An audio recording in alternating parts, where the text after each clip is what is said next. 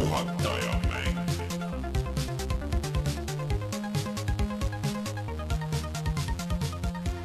tere tulemast, on reede, kaheteistkümnes juuni aastal kaks tuhat kakskümmend ja on aeg puhata ja mängida. mina olen Rainer Peterson, minuga täna siin Rein Soobel, tervist. Martin Mets tere, ja külas äh, Kristen Tamm äh,. Kristenit äh, laiem üldsus võib-olla nii hästi ei tea, nii et äh, äkki siis kiirelt tut tutvustad, kes, kelle, kellega on tegu, mida sa teed? miks see, miks see nii on? tere, mina olen Kristjan ja mina olen äh, tegev äh, virtuaalreaalsus maastikul Eestis aastast kaks tuhat kuusteist. tegelenud futuruumi virtuaalreaalsus arkaadide ülesehitamisega ja nüüd viimased poolteist aastat arendame hariduslikku virtuaalreaalsusmängu nimega Futuglass. Äh, ühesõnaga, Kristjani tõime siia, et äh, siis jah, rääkida sellest, et kuhu kadusid äh, futuruumid ja praegu ilmselt on see kõige õigem aeg üldse kooliõpe nagu virtuaalreaalsusesse püüda viia või vähemalt osaliselt, nii et seda, millest Kristjaniga rääkida, on üksjagu. aga selle juurde tuleme kohe varsti tagasi, kui käime läbi enne kõik need kohustuslikud asjad, ehk siis, et äh, meid saab kuulata SoundCloudi, Spotify'st, kõikidest äh, podcast'i rakendustest, Youtube'ist ja äh, pange puhatamängida.ee, sealt saate lingid igale poole, see on ka jätkuvalt veel olemas, mul läheb endalgi meelest ära. siis äh, meid saab toetada Patreonis, patreon.com. Patreon. Kord kriips puhata ja mangida. see mm, Zoomi delay eh, vahest ei võimalda väga hästi seda kõike. see, see, see on tegelikult, see on nagu ainus asi, mis on äh, Zoom'is äh, saate tegemisega võrreldes stuudioga on nagu halb. ma täna nagu arutasin seda kellegiga, et, et see delay on, et kui keegi kellelegi vahele räägib, siis tekib mingisugune awkward paus nagu ja muidu kui seda ei oleks, oleks kõik nagu super, ei peaks kunagi elus kodust välja tulema. külalistega saadet teha miljon korda lihtsam, kõik oleks okei okay,, aga kuradi delay. See on jah natuke tüütu, et eh, nagu niisuguse kiire reageerimise võimaluse võtab ära. aga Patreonist rääkides siis, et eh, kui te tahate tulla meiega Discordi chat ima või tahate näha neid saate introsid, mis me muidu välja lõikame Youtube'ist ja sinna saab jätta kommentaare või kui tahate särki näiteks, siis jah, patreon.com, korraks puhata ja mangida ja otse loomulikult täname kõiki, kes meid seal on toetanud ja jätkuvalt toetavad, me ei saaks seda teha, kui teid ei oleks.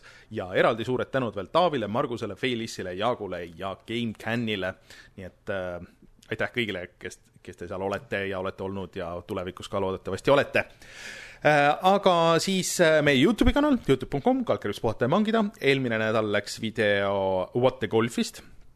ma räägin sellest võib-olla pärast natuke veel, ma tegin selle läbi lõpuks. et äh, nüüd on niisugused lõplikud äh, muljed olemas. aga see nädal läheb äh, midagi niisugust väga kerget ja, ja niisugust ähm, meelelahutuslikku, ehk siis Man-Eateri video, kus äh, ma olen hai. ja söön inimesi ja hüppan ringi ka maa peal ja nii edasi, nii et äh, saate oma silmaga näha, mis äh, mänguga on tegu ja äh, see on minu meelest meie värskes kullas äh, jätkuvalt põhjusega. ma ei tea, mis teised saate, saate vaadata, mitu, mitu lupsu suudab Rainer maa peal lüüa. Põhim- põhimõtteliselt küll jah, päris mitu. nii et äh, kui kõik hästi läheb, siis äh, selleks ajaks, kui te kuulete selle saadi, saate audioversiooni, siis äh, see on juba üleval meie Youtube'i kanalil, Youtube.com, kaldkriips puhata ja mangida.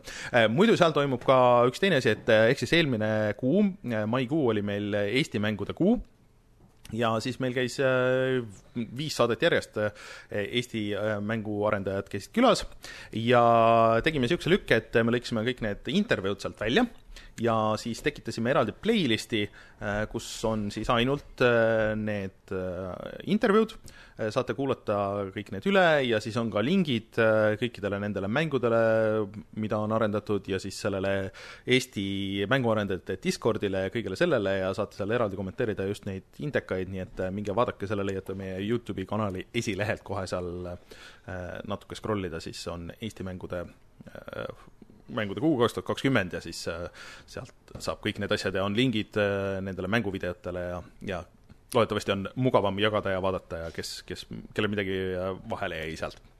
vot siuksed asjad. Rein, millest me veel räägime täna?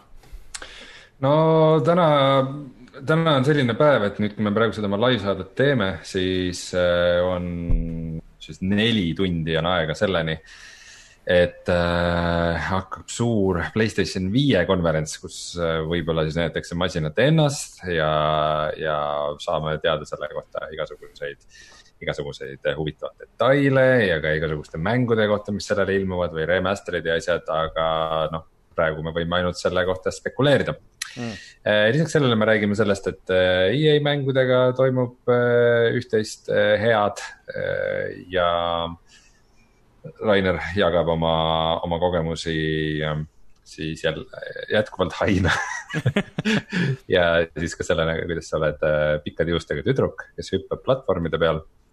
Äh, mina mängisin veel Hadest ja tegin selle läbi.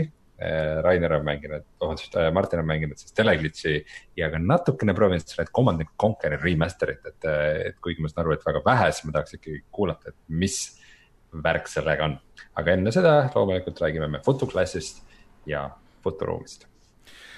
nii et äh, tuleme siis kohe tagasi ja räägime juttu meie külalisega.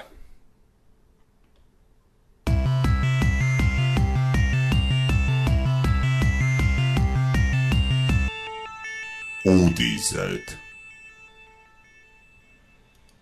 millegipärast tuli uudiste küll, aga ma arvan, et äh, ei ole vast äkki hullu äh, niisiis ähm, Kristjan, eh, ma ei tea, kust sa alustada tahad kogu selle asjaga? Alustame Või..., alustame loomulikult selle äh, lifti pitch'iga siis, et mis asi on FutuClass? FutuClass on hariduslik virtuaalreaalsusmäng, mis toob põnevad füüsika ja keemiakatset läbi virtuaalreaalsuse koolidesse. Äh, ma olen korra mingisugust versiooni ühel Eesti VR kogukonna üritusel proovinud, äh, kas ma saan õigesti aru, et äh, kõik, kas, kas see on nagu üks mäng või palju mänge või kuidas see asi on üldse üles ehitatud? see on palju mänge ühes mängus, me kutsume neid mooduliteks ja kõik moodulid FutuClassis katavad ära ühe teema ja kuna me oleme keskendunud praegu just nimelt kaheksanda ja üheksanda klassi keemia ja füüsika teemade toomisega VR-i, siis äh, sisuliselt on mängusisene menüü, kust tuleb valida mm, teema ja, ja see teema siis avaneb VR sellise leveli või, või äh, põgenemistoa äh, mänguna. Ma kohe küsiks siia, et seda, et see on nüüd mõeldud nagu kaugõppeks või on see mõeldud nagu klassi kasutamiseks klassiruumides? see on mõeldud kasutamiseks klassiruumides, aga kogu äh, Covid on äh, kõvasti toonud äh, meie fookust ka kaugõppe ja, ja koduõppe, koduõppeni, et, et tegelikult me seda kindlat, me, me ei pane ette piiri, et me oleme just nimelt ainult koolides. pigem on, on seal küsimus, et koolides on, äh, klassiruumi kasutuses on vaja õpetajal manageerida siis äh, mitte ainult ühte, äh, vaid kümmet või kahtekümmet õpilast ja, ja headset'i, et see lisaks meile on, on lisaks mängule või sisule endale on ka vaja seda manageerimislahendust, et me. ühe asja ma küsiks kohe veel, et sa ütlesid kohe, et kaheksas, üheksas klass, et ma saan aru, et te siis nagu teete seda kuidagi riikliku õppekava põhjal aga kas siis see tähendab seda, et ka teil, teil see mäng või see äpp on mõeldud nagu ikkagi konkreetselt Eesti turule. mina ei tea, palju see kaheksanda, üheksanda klassi keemia või füüsika on meil Soomes või Poolas või kuskil erinev, mina ausalt öeldes ei tea. üldjoontes äh, need teemad on äh, samad, mida õpitakse äh, nendes kooliastmetes ja kuna loodusteadustes on, on ühesõnaga valemid on äh, ülemaailmselt samad, siis, äh, siis see on kergesti skaleeritav ka äh, muudele turgudele. tegelikult me teeme, meil on inglise keel on esimene keel ja siis seoses ühe projektiga, kus me oleme, me paralleelselt siis teeme koosloomet ka Eestis, ehk siis me tegelikult katsetame jooksvalt mängu arendades kõiki mooduleid kooli, koolides ja, ja Eesti õpilastega kas te selle asjaga raha teenite nagu selle asja müügi pealt või on seal mingid muud, mingid tellimusepõhine asi või kuidas te sellega kunagi peaksite plussi jõudma? raha teenimine on, on subscription'i põhiselt ja kuu ja aastamakse alusel. aga lisaks sellele ütleme, et koduturule või koduõppele ja, ja lõppkasutajale suunatuna ka moodulid siis bundlite ja, ja eraldi eh, seisva ostuna. ja kuna me ise oleme, oleme olnud eh, arkaadimaastikul, siis me teame, et eh, virtuaalreaalsuskeskustesse teevad koolid külastusi ja virtuaalreaalsuskeskused litsenseerivad mänge minutipõhise hinnastamise alusel, et see on siis selline kolmas turg. Ma natukene äkki kirjeldan seda, seda kogu Footclassi elamust nagu siukse tavamängija vaatevinklist, et põhimõtteliselt sa oled siis mingisuguses äh, läbi VR-i äh,, sul on VR-prillid peas äh,, Oculus Quest siis sellele asja, mis ma proovisin, puldid on käes, mis on siis sinu virtuaalsed käed ja siis sul põhimõtteliselt on mingisugused ruumid, kus sa pead järgmistesse jõudma Äh, mingisugune, noh, ongi vist eesmärk a la, et kuidas see uks lahti teha ja siis selleks äh, see, mis mina proovisin, oli niisugune füüsikapõhine, et umbes, et sa pidid mingisuguse juhtme kusagile vedama vette, aga see on, see on nagu nii labane, et umbes, et vesi kannab elektrit edasi ja nagu that's it, vaid et seal pidi äh, mingit traati mingite poolide peale vedama, seda polariseerima ühes toa otsas, siis selle teise panema, ühendama mingite asjadega. mina jäin seal ausalt öeldes nagu totaalselt jänni ja ei saanud nagu absoluutselt asjadega hakkama, aga ma saan aru, et, äh, et kaheksakümnenda, üheksakümnenda klassi õpilased, kes neid asju nagu reaalselt äh, parasjagu õpivad, et neil ei ole nagu väga suur probleem Äh, nende, nende läbimine. äkki natukene, et, et meie kuulajate jaoks nagu seda maailma arusaadavaks teha, et nagu kirjelda veidi, et mis, mis siis nendes mängudes veel toimub?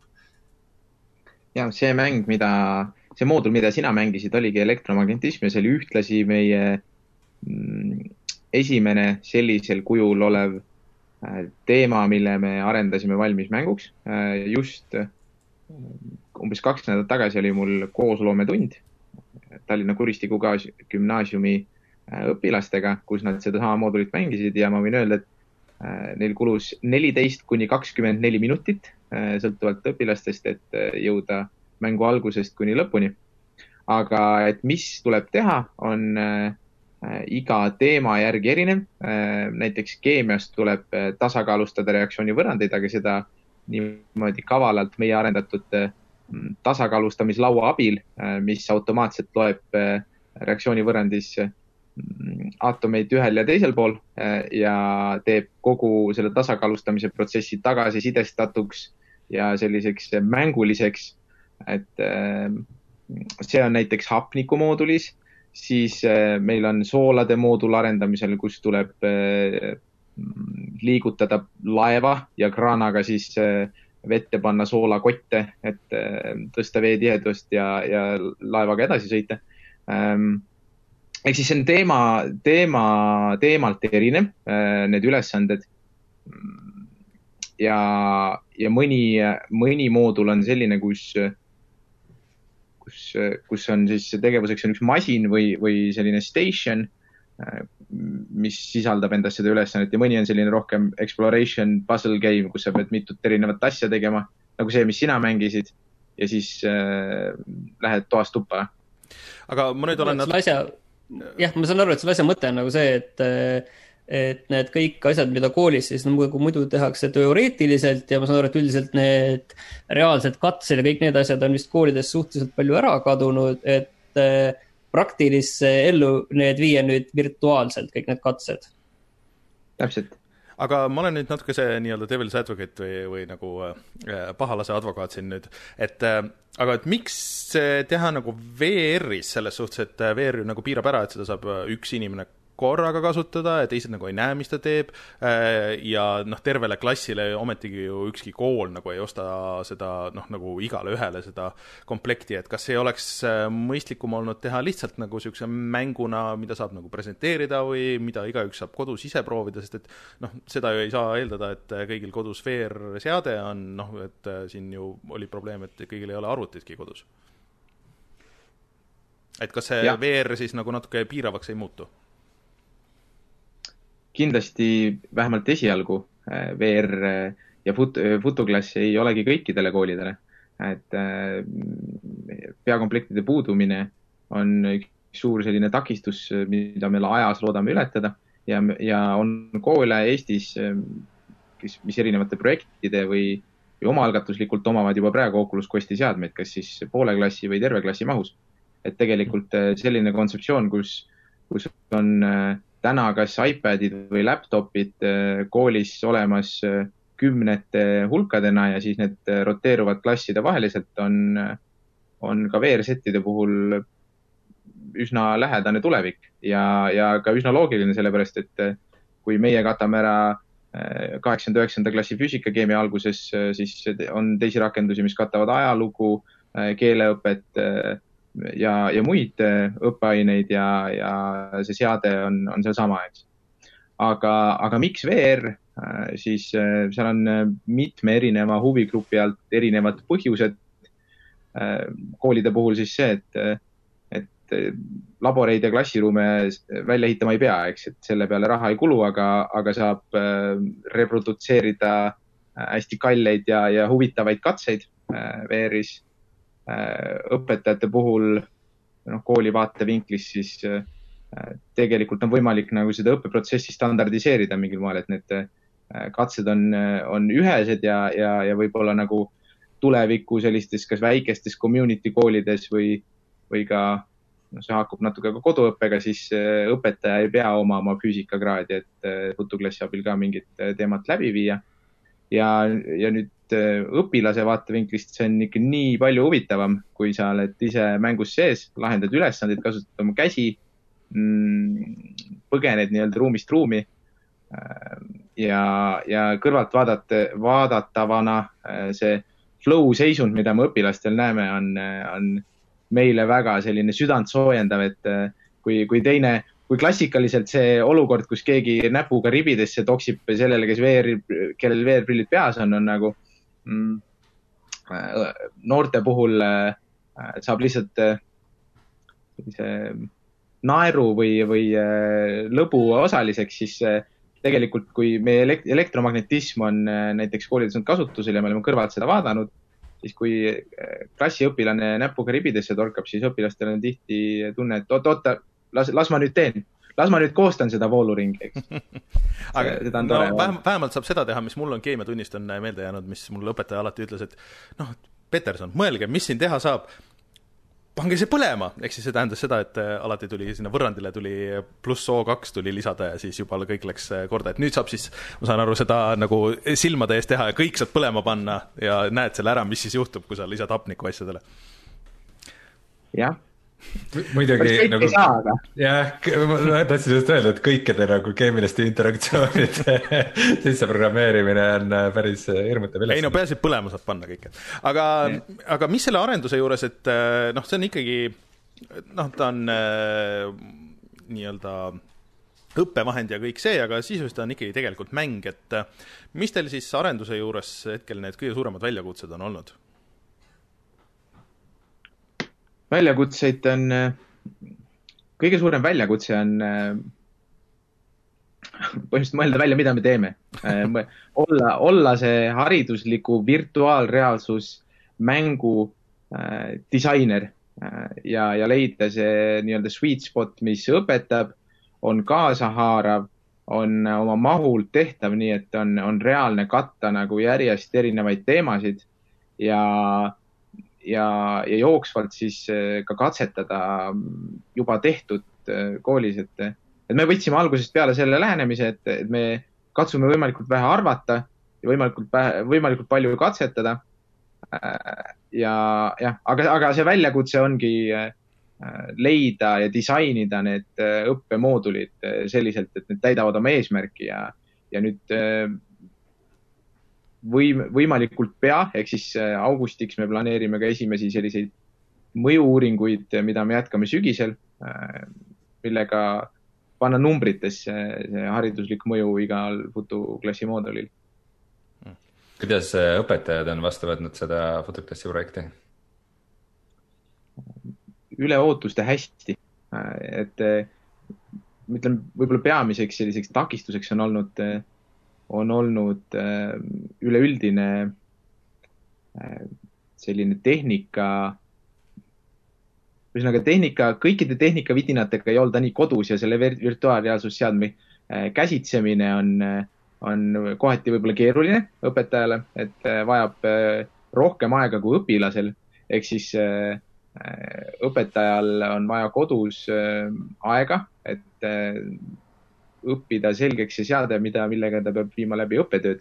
aga tagasiside on väga hea ja me oleme hinnanud ja küsinud ka peale igat koosloometundi õpetajate käest, et, et kuidas te hindate tehnilist raskust, raskusastet jutuklassiga tunni läbiviimisel, siis tavaliselt, kui seal on viie palli skaala, siis klassika on umbes see, et esimene kord on see, hinnatakse kolme peale ja siis teine tund juba madalamalt.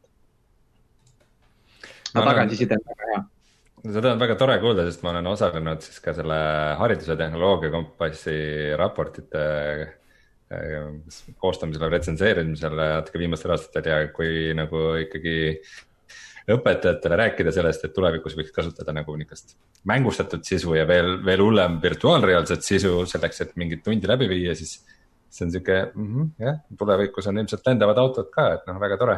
jah, ma olen selle, osalenud selle... ka mingis paneelis sellises, kus äh, vanemate härrasmeestega peab diskuteerima teemal, kas äh, õpe üldse võib olla mängustatud, et mäng on neil siin igal pool, kurat et see, selliseid stigmasid on nii palju, et selles mõttes, et, et ongi nagu väga kihvt, et te olete kohe läinud nagu rindele sellega nii, et meil on nüüd valmis asi, valmis toode, hakake kasutama, let's go. väga, mind, väga huvitab, kuidas, missugused tagasilöögid sellega tulevad või et. noh, kindlasti on ka väga palju õpetajaid, kes ju tahavad siukseid asju kasutada ja tahavad olla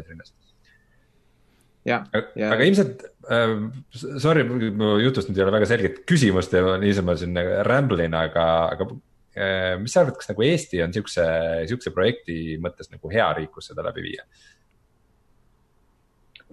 Ma ei tea, kas see on hea riik või võib-olla peaseadmete olemasolu mõttes kindlasti mitte, et äh, ma võin öelda, et äh, sihuke üheksakümmend protsenti Eesti koolidest, no okei okay,, see on väike liialdus, aga äh, Questide puhul küll enamik äh, koolidest, kellel täna on Oculus Questid, on need soetanud meie kaudu. ehk siis äh, me oleme teinud ise esimese seadistuse ja lisaks Futuklassile laadinud sinna ka muid äh, rakendusi peale, millel on äh, väärtust koolitunnis äh, kooliõppes. Ja ja, ja selles mõistes, et kuna meil on koole ju tegelikult vähe võrreldes suuremate riikidega ja seetõttu ka neid koole, kellel headset'id on vähem, aga erinevad tugiorganisatsioonid ja, ja selline Eesti äh, startup ilik mentaliteet on, on väga palju aidanud, et tegelikult see, tegelikult ka see koosloomeprojekt, kus me osalesime, on äh, HITSA ja Startup Estonia poolt organiseeritud ja ja just eile oli viimane seminar ja tulemused võeti kokku, et äh, koolid on äh, pehmelt öeldes vaimustuses sellest, et nad saavad kaasa rääkida e-tech lahenduste mm, loomisel ja seda, et kui nemad ütlevad, kuidas on õige teha, siis need ettevõtted kohe ruttavad neid parendusi sisse viima, et see on, äh, see oli pilootprojekt, mm, mis algas jaanuarikuus, kus osales kuus e-tech ettevõtet sealhulgas Putuglas ja mis töötasid välja erinevaid ETH lahendusi.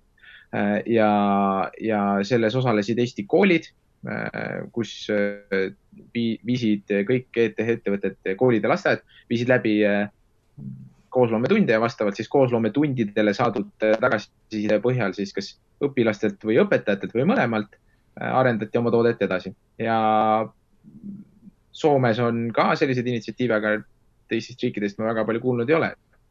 See on väga-väga teretulnud ja meid aga, väga palju ka aidanud. aga millal teil siis ähm, äh, see nii-öelda planeeritud valmissaamise aeg on, et kas see juhtub järgmise kooliaasta jooksul või pigem ülejärgmise kooliaasta jooksul või hetkel ei oska öelda? meil on äh, Covidi ajal äh, nüüd äh, mõned mõned nädalad tagasi me tegelikult sellisesse keskkonda nagu SideQuest panime tagasiside saamiseks juba esimesed moodulid ülesse. aga müüdaval kujul või soetataval kujul Photoglass esimeste moodulitega on kättesaadav sügisel. ja, ja meie meie metoodika on selles suhtes lihtne, et me arendame järjest juurde mooduleid, katame ära järjest rohkem õppeteemasid ja, ja jooksvalt äh, uuendame Photoklassi äh, pildi. aga oota, müüda, müüdavat sa mõtled siis nagu, et te panete päriselt Oculus Questi poodi ülesse või, või et te, te kuidagi ise installite sinna peaseadmesse selle rakenduse ja annate üle nagu peaseadme, kus, see on juba installitud või mis, mis sa mõtled selle all? väga hea küsimus, sellepärast et äh, Oculus Questi poodi ei saa ju. Oculus Questi poodi saamine on äh, pehmelt öeldes katsumus äh,. mul on õnnestunud äh, Slushil rääkida äh, Oculus'e content lead'iga ja, ja anda talle ka sedasama elektromagnetismi moodulit mängida äh,. ja ta ütles, et see on super äge, aga Ehm, meie fookus on, on äh, entertainment ja lõpptarbija, äh, siis ehm, selleks, et kodus oleks lihtsalt fun. Ja, ja ma suunan kontakti edasi meie educational department'i, et läbi partnerite, mõni neist on, mõnega neist meil juba käib koostöö, on Grove Learning, sihuke seadmete manageerimise platvorm ja, ja nüüd äh, Martin, sina vist tõid välja enne, et äh, võib-olla mäletan valesti, et, et ei ole võimalik näha klassiruumi keskkonnas äh, õpetajal, mida teine õpilane teeb. Ähm, aga tegelikult see läbi selle Grove manageerimisplatvormi haldad kõiki peaseadmeid, mis on, mis on klassiruumis kasutusel ja sealt ka näed, mida need õpilased näevad, et see see mhm. ja, ja siis ühesõnaga turule tulek läbi nende või koos nendega on, on üks väga. see, see on tegelikult äh, väga kriitiline küsimus, et, äh, et kui õpilased panevad VR peaaseme pähe, siis see on kuidagi nagu VR-i juba sisse programmeeritud või nagu noh, see on osa selle DNA-st. et äh, kui sa paned VR headset'i pähe, siis sa ei suuda samal ajal jälgida seda ruumi ja neid inimesi sinna ümber kes seal päriselt viibivad. et, äh, et ma kujutan ette, missugune nagu õudusunenägu on nagu juhendada õpilasi, kes samal ajal põhimõtteliselt täiesti teises kohas ja teevad mingit teist asja, et. Äh, et, et kui me, kui me tegime näiteks äh, oma kanalile Half-Life Alyxist videot, siis siis ka äh, keegi võib seda vaadata, kuidas Martin ja Rainer küsisid minu käest küsimusi.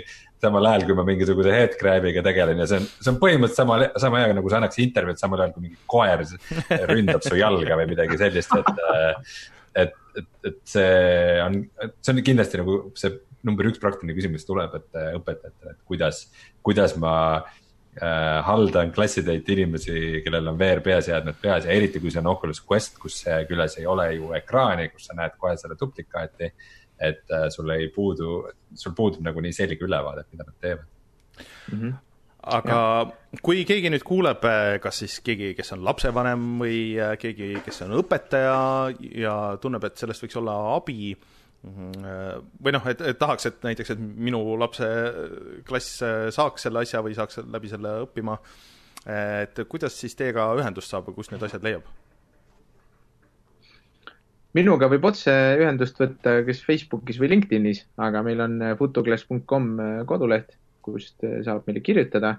SideQuestis on meil meie esimene tagasiside saamiseks üles pandud Photoglassi äh, mänguversioon üleval. seal saab õppida, ähm, seal on moodulid moolide teemal, äh, võite meelde tuletada. Äh, väga uduselt meenub. absoluutselt ei meenu mul on meeles küll, aga on kogu aeg segane olnud, pean tunnistama võib-olla ongi õige aeg läbi teha. aga. ja, ja Krist-, Kristjan äh,, räägi lõpuni. ühesõnaga, ühesõnaga minuga kontakti saab äh, minu nime pannes kuskile sotsiaalmeediasse ja meil on koduleht ka, et, et ja, ja mäng on tasuta kättesaadav, seega meil on kulda väärt on igasugune ta, äh, tagasiside. Mm, ja proovige. see on kõik väga äge selles mõttes, et äh, no see on natukene just see, millest me oleme ka Eesti mängude kuu jooksul rääkinud, et, et mäng ei pruugi olla ainult mäng, et, et see mängu tegemise oskusteave eh, on ka see, mida päris maailmas läheb järjest rohkem ja rohkem vaja, kuna kõik maailm meie ümber muutub järjest eh, digitaalsemaks. ja, ja see, Eesti võiks olla eesrinnas nende riikide osas, kus siukseid asju tehakse, et mul on väga hea meel, et te sihukest asja teete. aga lisaks Futuklassile, kuna sa oled siin, siis äh, kuna sa oled olnud seotud äh, siis Futuruumi VR-arkaadide ülesehitamisega, teil oli siis arkaad äh, Tallinnas Nautikakeskuses ja Tartus Kvartalikeskuses. ja meil ei ole varem käinud külas mitte kedagi, kes on seotud VR-arkaadidega, siis me tahaksime natukene juttu puhuda ka sel teemal ähm, ma võib-olla intro mõttes nagu annan siukse väikse lühiülevaate, et kui, kui nüüd VR peaseadmed tulid müüki mm, kuskilt kaks tuhat seitseteist algusest saadik, siis, äh, siis paljud inimesed vaatasid, oh, et see tehnoloogia on nagu väga äge. aga, aga sinna sisenemine on lihtsalt liiga kallis, sest need esimesed Vive'id Oculused maksid umbes kaheksasada eurot arvuti sinna juurde veel mingi tuhat viissada eurot, et äh, midagi sihukest koju osta lihtsalt selleks, et, äh, et mängida, tundus paljudele liiga suur välja, väljaminek ja see andis võimaluse tekkida arkaadidel ehk siis kohtadel, kuhu, kus inimesed saavad tulla ja raha eest lihtsalt mingi aja mängida. ja mingi vahe mulle tundus, et nagu igas Eesti kaubanduskeskuses on sihuke VR-arkaad olemas, aga nüüd äh, seoses, seoses äh, meie väikse pandeemia poisiga, siis äh, on need asjad veidikene languses ja ja praegu siis äh, ma saan aru ka, et äh, sina ja mõned kaasasutajad nagu te väljute sealt äh, VR-arkaadide turult, et äh, alusta, alustame, me peame ilmselt ikkagi sellest minevikust kõige enne rääkima, olevikust kõige enne rääkima, et mis, mis seis siis praegu on Futuruumiga ja, ja miks, miks see nii on? Futuruumiga on, Futuruumiga on selline seis, et, et me lõpetame oma pikalt ehitatud eh, suure tööga Futuruumi mm, brändiga virtuaalreaalsuskeskuste manageerimise ehk siis eh, sulgeme need keskused eh, ja, ja põhjuseks on, põhjuseid on mitu. esiteks on see, et enamik osanikest on suunamas või juba suunanud oma fookuse mujale ja, ja teiseks Covid on äh, tekitanud olukorra, kus ühiskasutuses midagi vastu nägu panna on, on selline võib-olla natukene hell teema. ja, ja siis Covidi tekitatud kriis on hakanud inimeste rahakottidele ja hakanud ka turismile. Ja need, ja need kõik asjad kokku panduna siis võtsime otsuse vastu, et, et äh, lõpetame selle tegevuse ära. selles mõttes, et ma eeldan, et ei ole nagu Eestis tegelikult ainsad, kes selle ära lõpetavad, et äh, ilmselt sul on nagu mingi ülevaade, et palju neid VR-arkaade äh, mängutubasid enne koroonakriisi Eestis oli. tõesti, mul jäi, et need on igas kaubanduskeskuses ja mujalgi veel.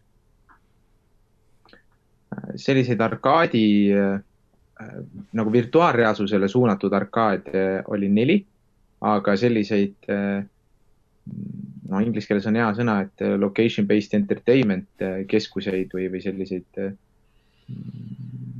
meelelahutuskohti, kus virtuaalreaalsus oli osa, neid oli veel. ma tean, et Solarises oli kunagi mingi pop-up asi, isegi mingi lihtne, kus oli mingi paberi peale kirjutas, et tund viiekas või, või ja, ma ei tea, suvaline.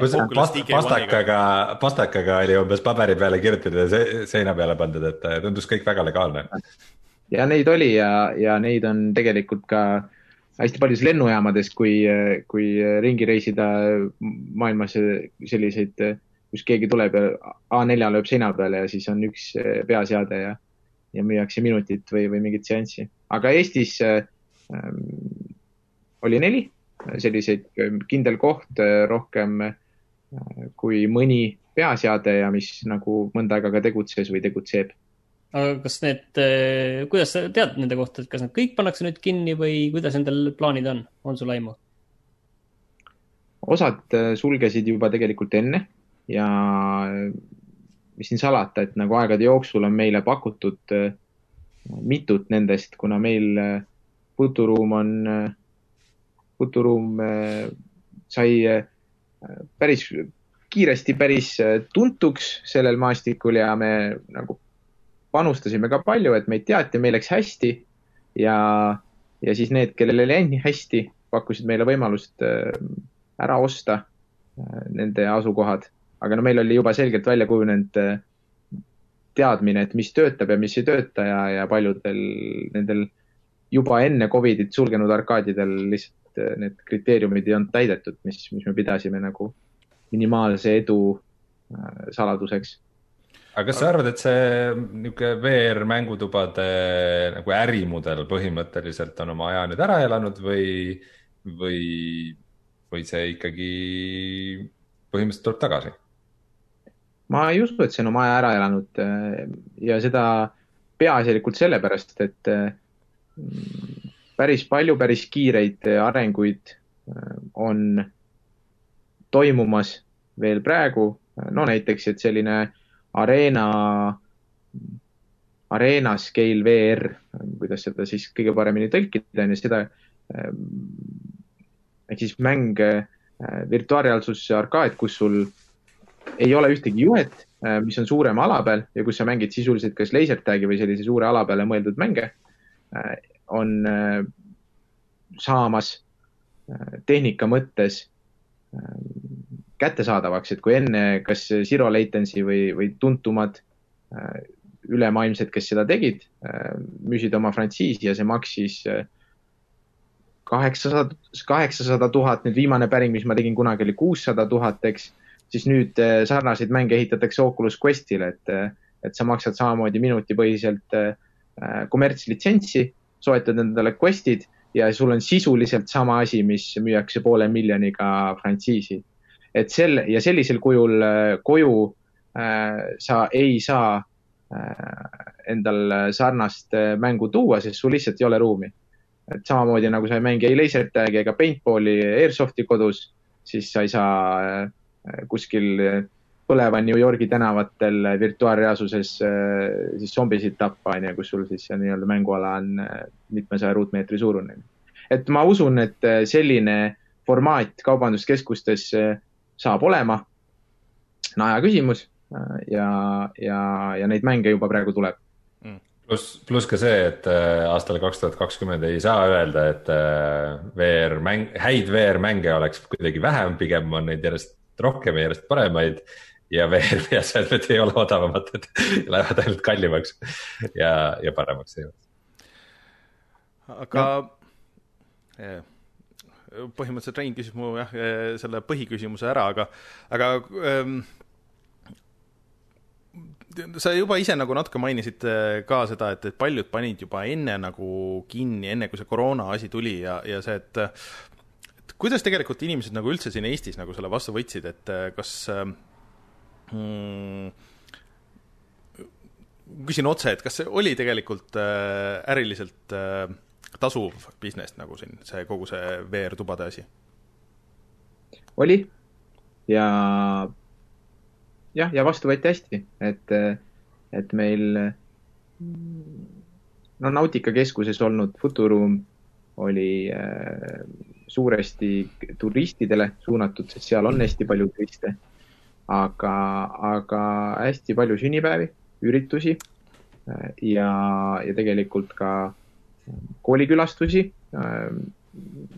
et, et võeti hästi vastu ja, ja, ja noh, seal on omad nüansid, et sul on amortisatsioon suur, eks siis paljud keskused paljud ettevõtjad panid natukene selle kontseptsiooniga võib-olla mitte nii täkkesse, kui need äh, arkaadid ei olnud neil piisavalt suured, et äh, piisavalt suured, et korraldada seal üritusi ja, ja siis nad jäid mingist osast ilma lihtsalt äh, nendest klientidest, kes, kes oleksid võinud või tahtnud sinna hea meelega tulla hmm nojah, ma ei tea, on teil lõpetuseks veel midagi küsida siin Kristjani käest? minul on Pigem aga mitte Kristjani käest. ma küsiks sportlikust huvist, et kui palju teie, äh, teie kolm äh, käisite või olete käinud virtuaalreaalsuskeskustes? mina ei ole kordagi. mina ka ei ole kordagi käinud. mina olen nii noh, professionaalsest huvist, kuna ma ise täisajaga teen VR-i ja, ja noh, ka teistes riikides olen nagu käinud ja vaadanud, mis huvitavaid asju on seal tehtud. aga, aga täiesti nagu ükskord, kui ma võtsin nagu konkreetselt äh, sihtmärgiks, et ma tahan äh,, tahan ära käia ja ära proovida äh, millegi konkreetset, oli see, kui eelmisel suvel tuli see Assassin's Creed'i Ubisofti need põgenemistoad, siis selle ma läksin elukaaslasega mm -hmm. koos, proovisime selle Egiptuse püramiidi põgenemistoa ära, see oli, see oli tegelikult äh,, oli päris äge ja mm, -hmm. ja noh ma ütleks, et täiesti nagu konkureerib sellega, kui niisama sõbra või elukaaslase või pereliikmega koos läheks kuhugi, kuhugi põgenemistuppa, et siukseid virtuaalseid kvaliteetseid asju mm,. ma, ma ei tea, mina, mina tunnen, et mina oleks sellele klient küll. jah, ja neid eh, peale Ubisofti on veel teisigi pakkujaid, eh, mõnel on lausa kaheksa, Arvi Labs on sihuke, kellel on viimati kaheksa põgenemistubade mängu ja, ja nad tootsid neid järjest juurde. et äh, see on väga selge selline nišš selles äh, VR-arkaadidel äh, turul, et ja neid järjest tegelikult kasvavalt ka meil käis. tulid mm. põgenema, tulid kahekesi, tulid neljakesi aga siukseid arena scale asju ma tahaks kindlasti, ma loodaks tulevikus Eestis, Eestis näha, et Äh, ma olen kunagi olen rääkinud ka sellest äh, saates siin, aga mm, Hollandis oli üks sihuke, mm, see oli veel, see oli veel tollal, kui oli põhimõtteliselt nagu seljakoti arvutid. et äh, seljakottides oli igaühel läpakas mm, -hmm. siis küljes oli HTC Vive või mingisugune teine peaseade. käte ja, ja ka jalgade küljes olid eraldi tracker'id ja käes oli suur relv. ja siis sa jooksid nagu suures ruumis teistega umbes kuuekesi ringi ja oli sihuke nagu deathmatch, kus, kus sa nagu tulistasid üksteist ja seal olid mingid liikuvad platvormid ja liftid ja asjad ja see oli nagu äh,, nagu mängus sees, see kõik oli väga mitmetasandiline ja. ja mina cheat isin nagu pidevalt äh, läbi selle, et kui ma kellegiga nagu kokku jooksin, siis põhimõtteliselt sa ei saa midagi muud teha, kui lihtsalt seisate vastakuti ja tulistate üksteist kahe meetri kauguselt. aga siis ma alati cheat isin läbi selle, et ma läksin teise juurde võtsin ta relvast kinni, tõstsin selle ülesse ja lasin teda näkku nii kaua, kuni ta ära suri. et, äh, et kuskil ei olnud reeglit, et seda teha ei tohi, aga aga paraku siiski ei see, see arena skill värk, see oleks see asi, mis mind nagu tõmbaks sinna, sest et noh, ma olen üsna tundlik äh, nende VR-asjade suhtes ja, ja no oleme siin proovinud teha neid videosid ja mul läheb väga kergesti, läheb süda pahaks. et äh, mulle ei ole tundunud äh, väga mõistlik äh, maksta selle eest, et ma saan kümme minutit proovida ja siis äh, ülejäänud pool päeva on väga halb olla, nii et äh, jah, ei no arena skill'iga ei tohiks no, mitte mingisugust probleemi olla mõtle, kui pikk su kogemus on. tõsi, tõsi saad, saad raha, saad ühe tunni eest saad terve pool päeva kogemust. nii, nii ta on, nii ta on jah.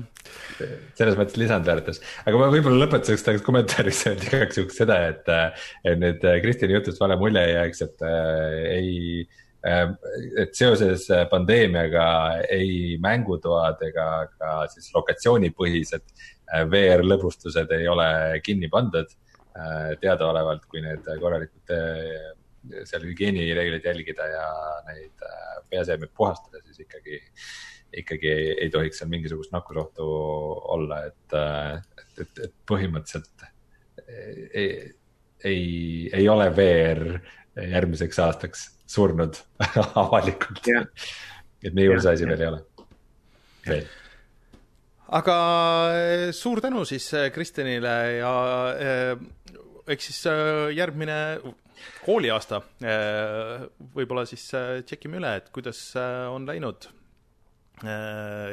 sellel projektil teil ja kuidas koolid on selle nagu tegelikult vastu võtnud, et nüüd, kui see asi on nagu päris ja valmis ja nii edasi, et. ja, ja kindlasti tasub mainida seda, et te olete juba saanud ka vist positiivset tagasisidet nagu Prototronist ja Ajujahist ja teistest sihukestest võistlustest, et olete ikkagi päris aktiivselt pildil selle kogu projektiga. jah, ja eks see on, on ka selleks suureks mootoriks meile, et me mitte ise ei arva, et seda on vaja, vaid, vaid teised ka arvavad, et, et me teeme õiget asja ja, ja koolides õpetajad arvavad ja, ja õpilased on vaimustuses, et nüüd meil on vaja leida see, see, panna ka numbritesse, ja, ja, ja näidata, et õpilased õpivad FutuClassiga. aga miks mitte järgmine kord te teete video, kuidas te näiteks koolide moodulit läbi mängite? no loodetavasti ei hakka halb selle juures siis. aga ainult siis, kui saab asju põlema panna, muidu ma ei ole nõus. jah, ühesõnaga siis me peame kiiresti panema moolide moodulisse midagi, mida saab põlema panna. jah, pluss O2. Jah. aga muideks meil hapniku moodulis on just nimelt põlemise reaktsioon, mida no sa pead ma räägin, tasakaalu. ma räägin, nii et peab olema. aga aitäh, Kristjan, me laseme sind vabaks nüüd ja siis äh, lähme saatega edasi ja vaatame, mis on sellel nädalal ka uudiseid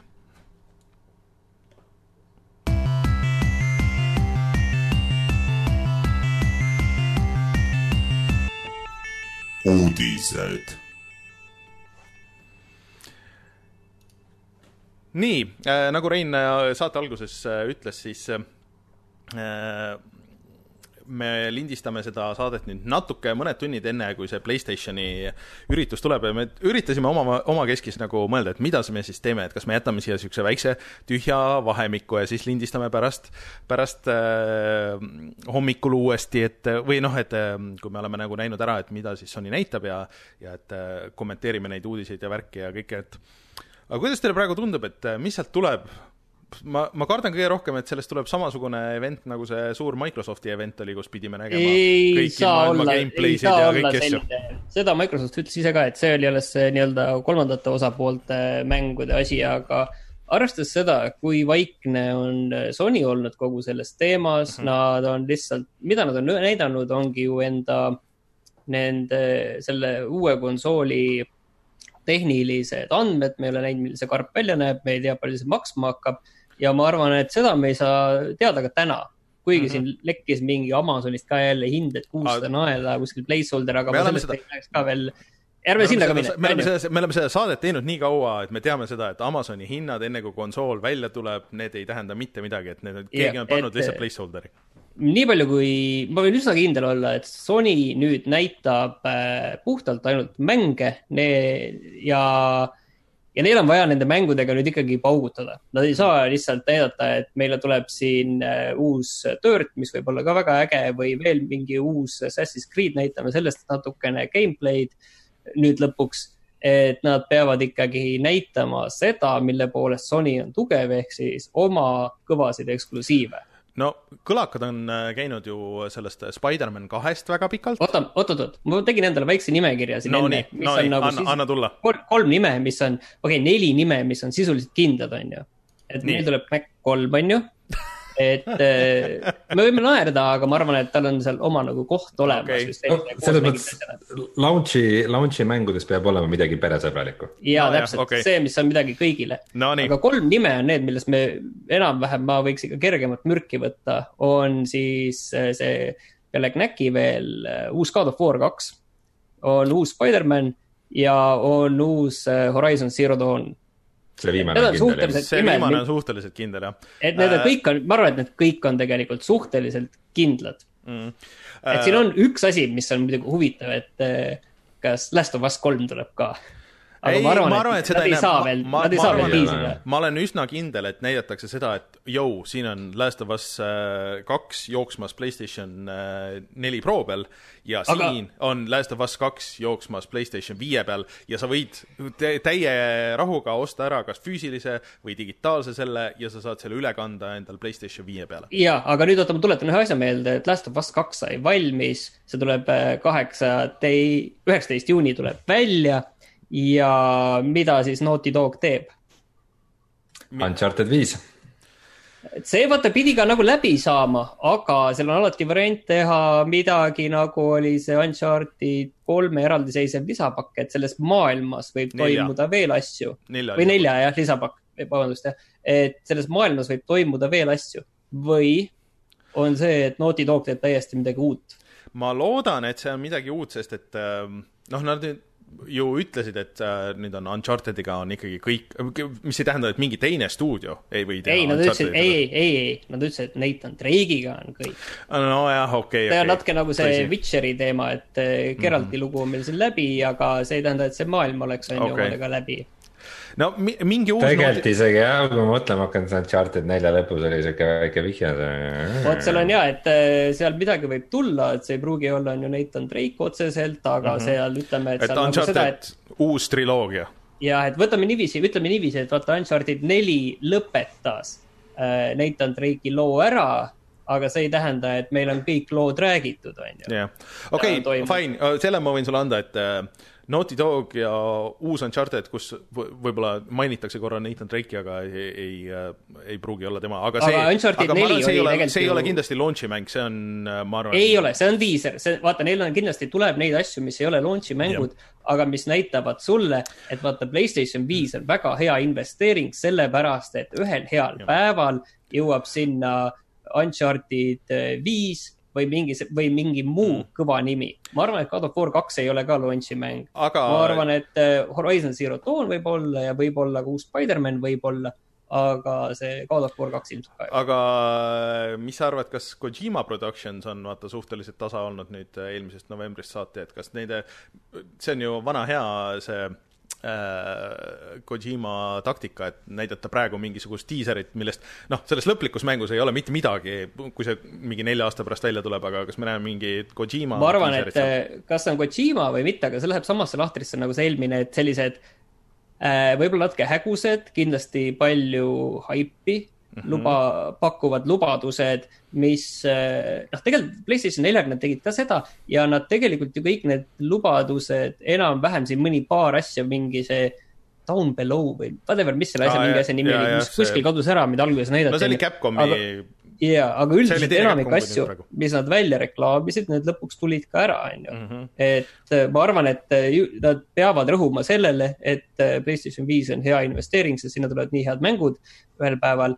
Et see on nagu see nende ainus kõige tugevam selline relv, mida nad saavad kasutada mm. -hmm. eriti kui nad on öelnud, et nad hinnas ei hakka Playst-, selle Xbox One Series X-iga võistlema. see ei pruugi tähendada, et see tuleb kallis, on ju, vaid see tähendab seda, et see võib tulla sama hinnaga. Mhm.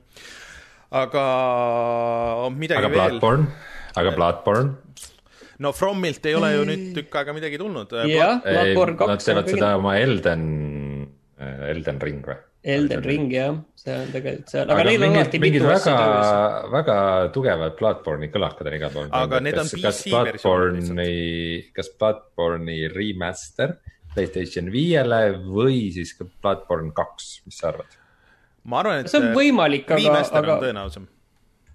sest et ma ei, vaata nende remaster itega ma ikkagi, vaata remaster itega sa otseselt ei müü seda konsooli ikkagi, sellepärast et sa saad neid kõike mängida ka nende vanade masinate peal. aga pead ma, nagu aga ma arvan, et see panema. võib olla sihuke remaster, et näed, Bloodborne äh, remastered, tuleb äh, Playstation neljale parem versioon sellest veel Playstation viiel ja ka PC-l äh,, lihtsalt see on nagu selles osa sellest paketist nagu.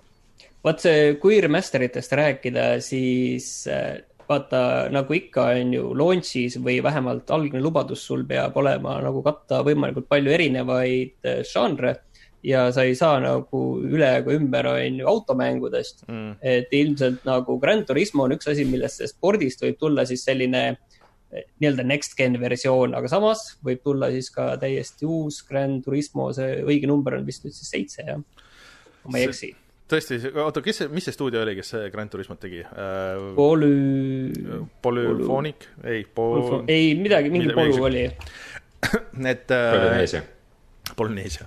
et nad on ka suhteliselt tasa olnud päris pikka aega, et ma arvan, et sealt võib äh, tulla küll äh, no arvestades seda, et tegelikult see sport äh, tuli nüüd siis äh, kolm polüfooni, et mm -hmm. kolm aastat tagasi siis äh, ja noh, kuus, kuus tuli juba jumal teab millal, kaks tuhat neliteist. aga aga kui me räägime nüüd tä- täiesti nagu see on out there spekulatsioon, mida ilmselt niikuinii ei juhtu, aga mis on ilmselt, ma pakun, et äh, terve internet on seda täis, et noh, kas siis nüüd kuulutatakse välja GTA kuus? pigem mitte. ma ka ei usu, et, et see sellesse äh, siia läheb. küll aga suhteliselt ma ei välistaks, aga kui, kui ma peaks pakkuma, siis pigem mitte, aga ma noh, täielikult välistada ei saa. Ma arvan, et võib suht tõenäoliselt me näeme äkki uut Call of Duty't. jah, kas see mitte ei läinud Microsofti kampa, ei läinud nemad? Ei ole. minu just meelest nad vastupidi hüppasidki jah, hüppasidki Playstationi punti peale. aga nüüd on olnud jah, okei, kolm aastat või. midagi sellist on olnud jah. aga no samas see, nojah, see, vaata, vaata, see läheb jälle sinna, et see on kolmanda osapoole mäng, et selles mõttes, et Mm. Sellega sa ikkagi, sa saad natuke, natuke haipi, aga sellega sa kokkuvõttes ei müü seda, kui Aa, Sony, kui. Microsoft tuleb, ütleb, et oi-oi-oi, meil on see siin ilusama pildiga. kuulge, aga eh, kuigi me ilmselt ei näe midagi Rockstarit, siis mida Rocksteady teeb? väga kaua vaiksed olnud. vot äh, see on nagu sihuke kahe otsaga asi ka, et äh, see Rocksteadi kohta on väga suured kõlakad olnud, et no nii, nüüd varsti on, aga vaata see PC Gameri PC Gaming Show on ju tulemas, mis on kolmteist juuni, see on siis laupäeval. Et äh, seal 2K ja Rebellion ja, kõik asjad, et väidetavalt on viiskümmend mängu, et sealt on see kõlakas ka, räägime selle kohe siia ära, et, et ilmselt Persona neli lõpuks jõuab arvutitele ja kõik nagu siuksed asjad, need Atluse asjad, et Persona seeria ei ole kunagi arvutil olnud. et ma arvan, et see võib-olla jääb sinna, et äh, ma arvan, et see Sony event äh, jääb rohkem nagu Sony enda asjadeks, et neid third party värki ei näidata, et ilmselt Ghost of Tsushimat näidatakse pikemalt, ka mingisugune uus treiler sellele ja ilmselt ka siis midagi täiesti uut. Muidu äh, ma lihtsalt ütlen korra sinna vahele, et see Bloodborne'i teema tegelikult, et seal äh, võib-olla, millest nagu tegelikult mingit remake'i teha, on äh,, on Demon's Souls. võib-olla, on võib-olla selline asi, mis on tegelikult, mis nagu tõmbaks, sest see on ikkagi eelmine, üle-eelmine generatsioon, mille mäng nüüd sisuliselt see on, seda väga paljud ei mänginud, väga paljud ei teadnud, mis teema see on. Isegi mina ei ole seda mänginud. mina olen seda mänginud kunagi natuke. no aga, aga see on nagu asi, mis tegelikult nagu mingil määral nagu müüks, sellepärast et peale selle, see Demon's Souls on nagu tänapäevases võtmes ikkagi piisavalt aegunud, et seda saaks teha nagu oluliselt ilusamaks ja ägedamaks aga ma arvan, et see Bloodborne ilmselt on, jääb sinna, sinna PC showcase'i, et, et Bloodborne ju ei saanud seda pro support'i isegi. et ta ei võta neid äh, pro update'e isegi arvesse ja, ja frame rate on ikka katki ja, ja kõik need muud hädad. et ma arvan, et seal oleks küll võimalus neil teha, mm. -hmm.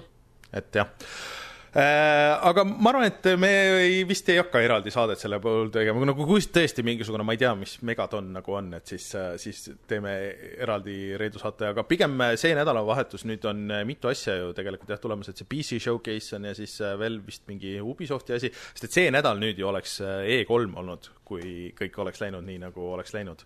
et ähm, ma arvan, et järgmine saade on meil väga-väga niisugune uudiste uudistepõhine, aga järgmine nädal me saame ju rääkida Sonyst, me vist saame ju rääkida Last of Us'ist lõpuks. ja me oleme kõik seda mänginud ja proovinud ka.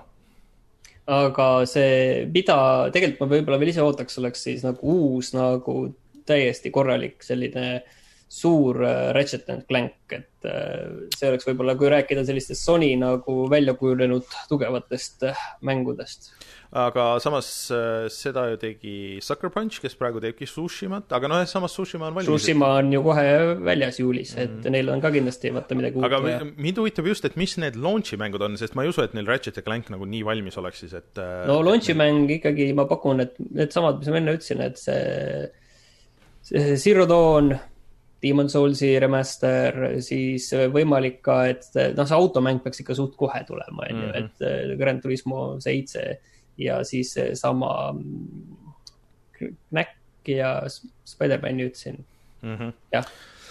Rein, on sul lisada midagi, mida sina ootad Playstationile mm.?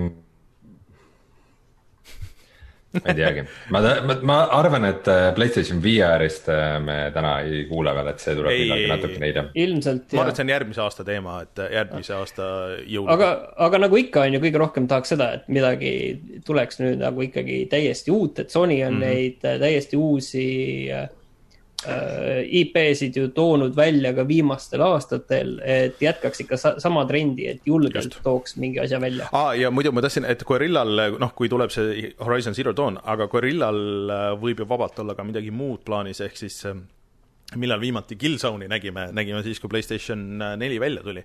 et kas oleks aeg uueks Killzone'iks, niisugune korralik nagu shooter Või noh, võib-olla jah, ei saa on ju välistada, aga, aga ma ei tea, kas seda nagu on täna vaja, see noh, see, see nagu selles mõttes, et Killzone, see viimane, mille nime ma enam isegi ei mäleta, et tegin läbi. Shadowfall? seal, jah, Shadowfall jah, et seal see, selle häda oli see, et need põhilood, mis olid hästi ägedalt üles ehitatud seal esimeses, teises või isegi natuke kolmandas veel, aga see läks juba ära vajuma, see suur nagu see ark, see sai nagu tehtud ja siis hakati mingeid väiksemaid asju tegema ja see enam ei olnud nagu aa, Priit tõst-. Priit tõstatab siin chatis, kuigi me lubasime chatist uudiseid ei võta, aga asja, mida mina ka kuulsin, et Jaa. et Silent Hill olla ikkagi tagasi tulemas äh, koostöös Konamiga, sest et Konami äh, tu- tundub, et teeb mänge järsku, siin ilmus Switch'ile ka üks platvormikas ja veel mingid asjad. no Sony on näidanud ka seda ju kõik, kõikidel nendel viimastel aastatel, et nad tahavad seda sellist natukene võib-olla nišipoolsemat sellist fanservice'it teha mm. -hmm. et mis on olnud Death Stranding on ju, kui see Shenmue kolm, kui ka, kui ka no siin on olnud erinevaid asju veel, mis mm -hmm. ei ole nagu päris sellised mängud, Last mis Guardian. on, Last Guardian täpselt on ju, mis ei ole sellise stuudio- tohutu müügieduga, ei ole midagi teinud jah ja, et see oli mingi kõlakas, see oli mitu kuud, mitu kuud tagasi, et äh, neilt midagi on tulemas millalgi varsti, et see oleks ka nagu päris hea koht, kus näidata, ma arvan. vot, okei okay,, aga järgmine kord oleme targemad, mis ikka. just, ma arvan ka, et äh, siis on päris palju uudiseid, millest rääkida. aga äh, siin oli ka Bungill äh, live stream ja mulle tundus lihtsalt, et see on nagu päris huvitav äh,, nad avasid nagu natuke neid tagamaid, et äh, see oli suur põhjus, miks äh, Destiny või siis miks Bungi ja Activision üldse lahku läksid, sest et Bungi, Activisioni nägemus oli niimoodi, et iga aasta tuleb uus Destiny, Destiny üks, Destiny kaks, Destiny kolm, me oleks juba ma ei tea mitmenda Destiny peal, aga Call of Duty sisuliselt. nojah, et aga Bungi ise tahtis teha nagu rohkem sihuke, et meil on üks Destiny ja siia me teeme, treime järjest nagu lisasisu ja mugandame seda, vaatavad, kuidas aeg ja trendid lähevad ja kuidas aeg, noh, nagu, et mis töötab ja mis ei tööta.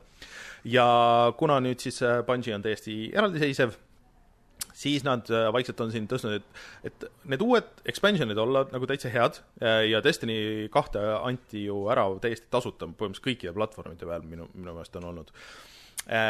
ja et nüüd nad äh, natuke paljastasid oma roadmap'i ehk siis, et juba septembris on tulemas äh, esimene ja siis äh, kaks tuhat kakskümmend üks ja, ja, ja sealt edasi on äh, ühesõnaga kolm lisapakki niisugust suurt on plaanis, aga, aga mis nendel oli nagu huvitav see, et äh,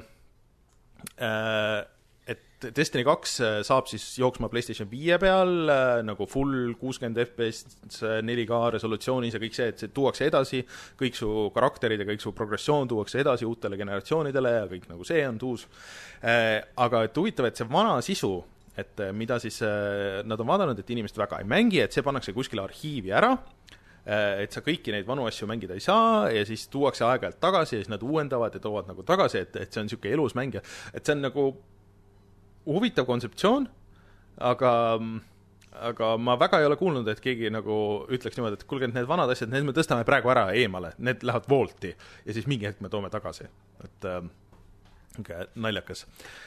Aga Destiny elab, Destiny mängijaid vist on äh, päris palju ja, ja üldiselt aga Eestiski tegelikult ta ikka on mingil määral populaarne, et nii palju, kui ma panen internetis tähele, siis ikka otsitakse mängijaid ja tehakse koos. mm. -hmm.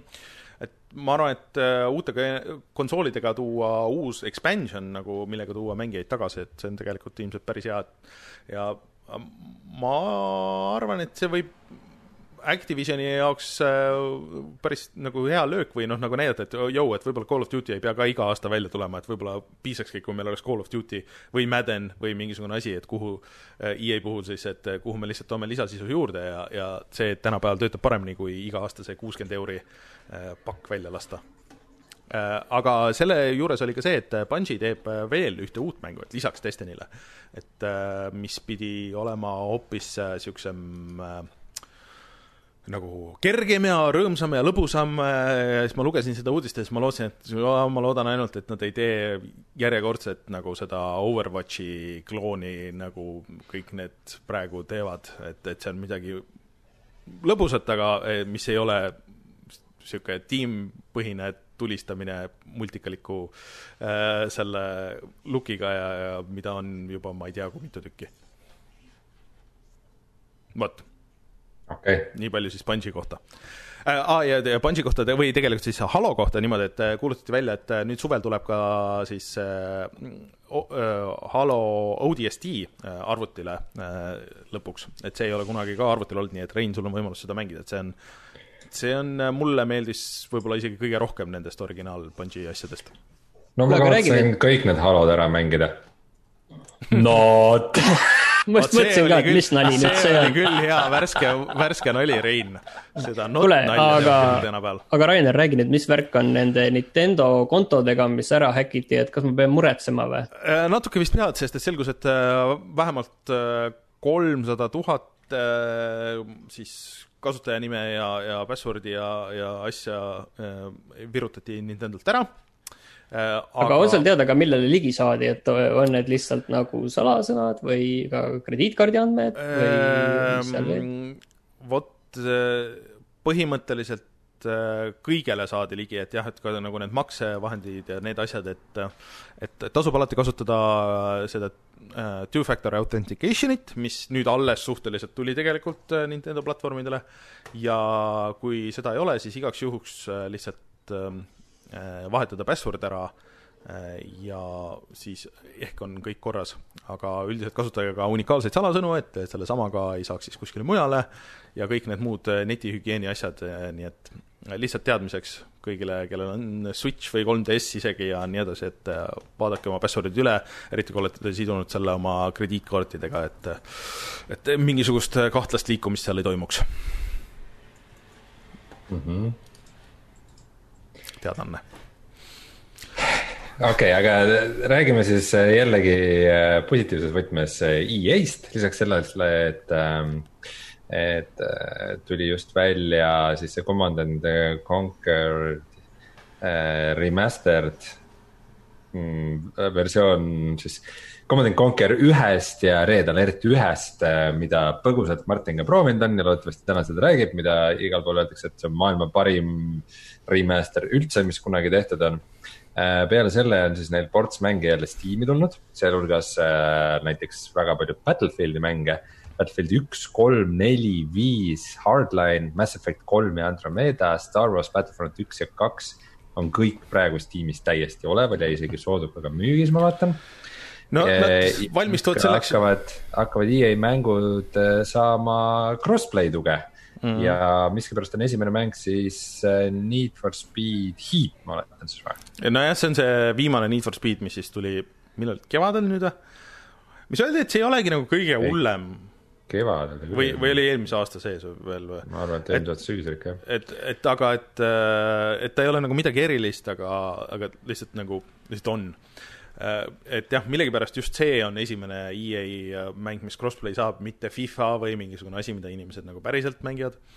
aga sealjuures oli äh, ka niisugune väike info, et Criterion, siis Burnouti tegijad teevad järgmise Need for Speedi, mis on uus, ma ei tea muidugi, mis on või kes on Criterion tänapäeval, aga nad on jah, teinud just neid Battlefronti ja, ja mingite teiste mängude neid äh, äh, autos või, või noh, nagu mm, siis äh,, mis oleks siis, erinevate sõiduvahendite nagu juppe, nii et, et nad ikkagi jätkuvalt teevad seda, milles nad olid ka vanasti head.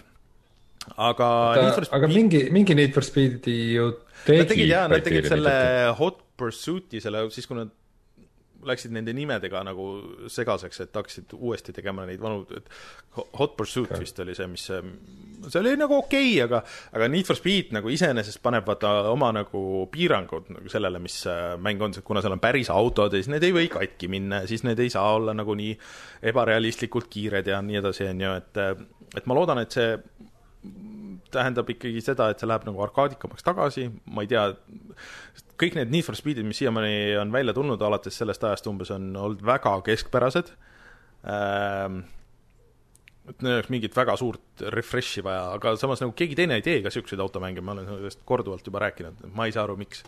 praegu peaks ju just super aeg olema selleks. vot äh, aga EA muidu annab neid asju Steamis välja sellepärast, et see EA Access tuleb ju Steam'i et sa saad mm. maksta neile mingit äh, kuuraha ja siis, äh, siis saad ligipääsu kõikidele nendele mängudele ja ei pea neid ükshaaval ostma, kui sa nii soovid. Aga äh, räägime siis korraga Ubisoftist äh,.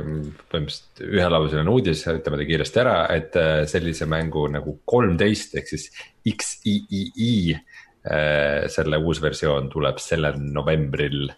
mina ootan seda küll kuulutati välja ammu, aga et nüüd on siis november on kindlaks tehtud. ega me selleks eriti muud peale logo pole näinud, nii et. no siin natuke nagu on. Aga, ja siis äh, Sega, kellel on nüüd kuuekümnes aastapäev ja siis nad teevad igasuguseid veidraid asju, ma isegi ei hakka minema sellesse, mis asi on folk gaming, sest see meisse väga ei puutu, aga aga nad teevad oma väga legendaarse seeria Master Systemi aegadest Alex Kiidi esimesest mängust remake'i, mis on veider valik sest see esimene mäng nagu omas ajas oli nagu okei okay,, see kaheksapitine, et ta oli nagu külje pealt noh, niisugune platvormikas, niisugune suhteliselt lihtne. aga ta oli, või paljud mängisid seda, sest et ta tuli kaasa paljude Master Systemitega. ja kas see nagu tänapäeval mängitav on või nagu põnev on, isegi kui see graafika, see uus graafika näeb päris tuus välja äh,, aga ma ei tea, kas sellest piisab, et seda mängu nagu heaks teha ma olen seda kunagi olude sunnil ühe sõbra juures mänginud ja siis see oli nagu olude sunnil. jah, et noh, et paremat see, ei olnud. ta, tal oli see olemas ja midagi paremat ei olnud, see oli täpselt niimoodi ja siis, siis oli nagu noh, see oli nagu okei okay,, onju. ja ma olen seda tänapäeval ka mänginud äh, mingis äh, Sega Collectionis. siis ta oli täpselt noh, sihuke noh äh,, noh, põhimõtteliselt võib ka, aga no samas ma ei tea, miks, miks peaks. nii et äh, näis, kas see nagu uus versioon siis kannab või ei kanna. aga Sega võiks mingit palju huvitavamaid asju teha oma kuuekümne aasta puhul, kui, kui need, mis nad siiamaani välja on kuulutanud. Diablo ühe expansion'i remaster. Sega. tegi Sega ju Diablo üks selle remaster'i ei olnud või? tähendab, et see Diablo ühe, mm, mis see oli, Hell, Hellfire lisapaki. Sega, ma ei usu üldse. ma võin praegu üle guugeldada, aga Äh, ma olen suht kindel, et nii see oli, see on ainus kord vist ka, kui äh, Blizzard on äh, välja litsenseerinud oma, oma tehtud asja mm,. kurat, ma ei tea. Sierra, vabandust Sierra, Sierra on midagi hoopis muud kui Sega. jaa, vabandust. seega, Segal on ka kuuskümmend aastat ajalugu ja väga palju igasuguseid huvitavaid arkaadimänge ja mingeid frantsiise, mida ei ole, et noh, tore, et nad võtsid midagi muud kui Sooniku, millest teha nüüd kindlasti raudselt siin selle lähima paha, paari kuu jooksul kuulutatakse välja uus Sooniku mäng, ma olen täiesti sada protsenti kindel selles. aga vaatasime üks, et nüüd see Sonic Forces oli, millest meil on täie, terve mängu läbimäng äh, meie kanalil, siis äh, ei oota sellest väga palju, vot. kas aga... sa tahad rääkida ka Persona neljast?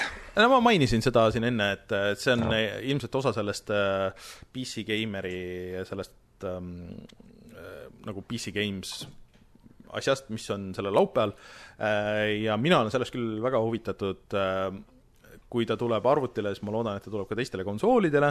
Äh, Persona neli originaalis ju ilmus ainult PlayStation kahe peal ja siis PlayStation Vita peal nii et äh, siin on, mida remasterdada küll ja, ja seal on mängu ka väga palju, nii et äh, nad võiks kõik need kolm, no kaks, üks ja kaks vist on nagu siuksed liiga oldschool mängud, aga kolm, neli, viis, kõik võiksid teistele platvormidele ka tulla, kui, kui on ainult Playstationi peal. vot. aga uudistega siis vist kõik. Äh, ja tuleme siis kohe tagasi ja räägime, mis me oleme sellel nädalal ka mänginud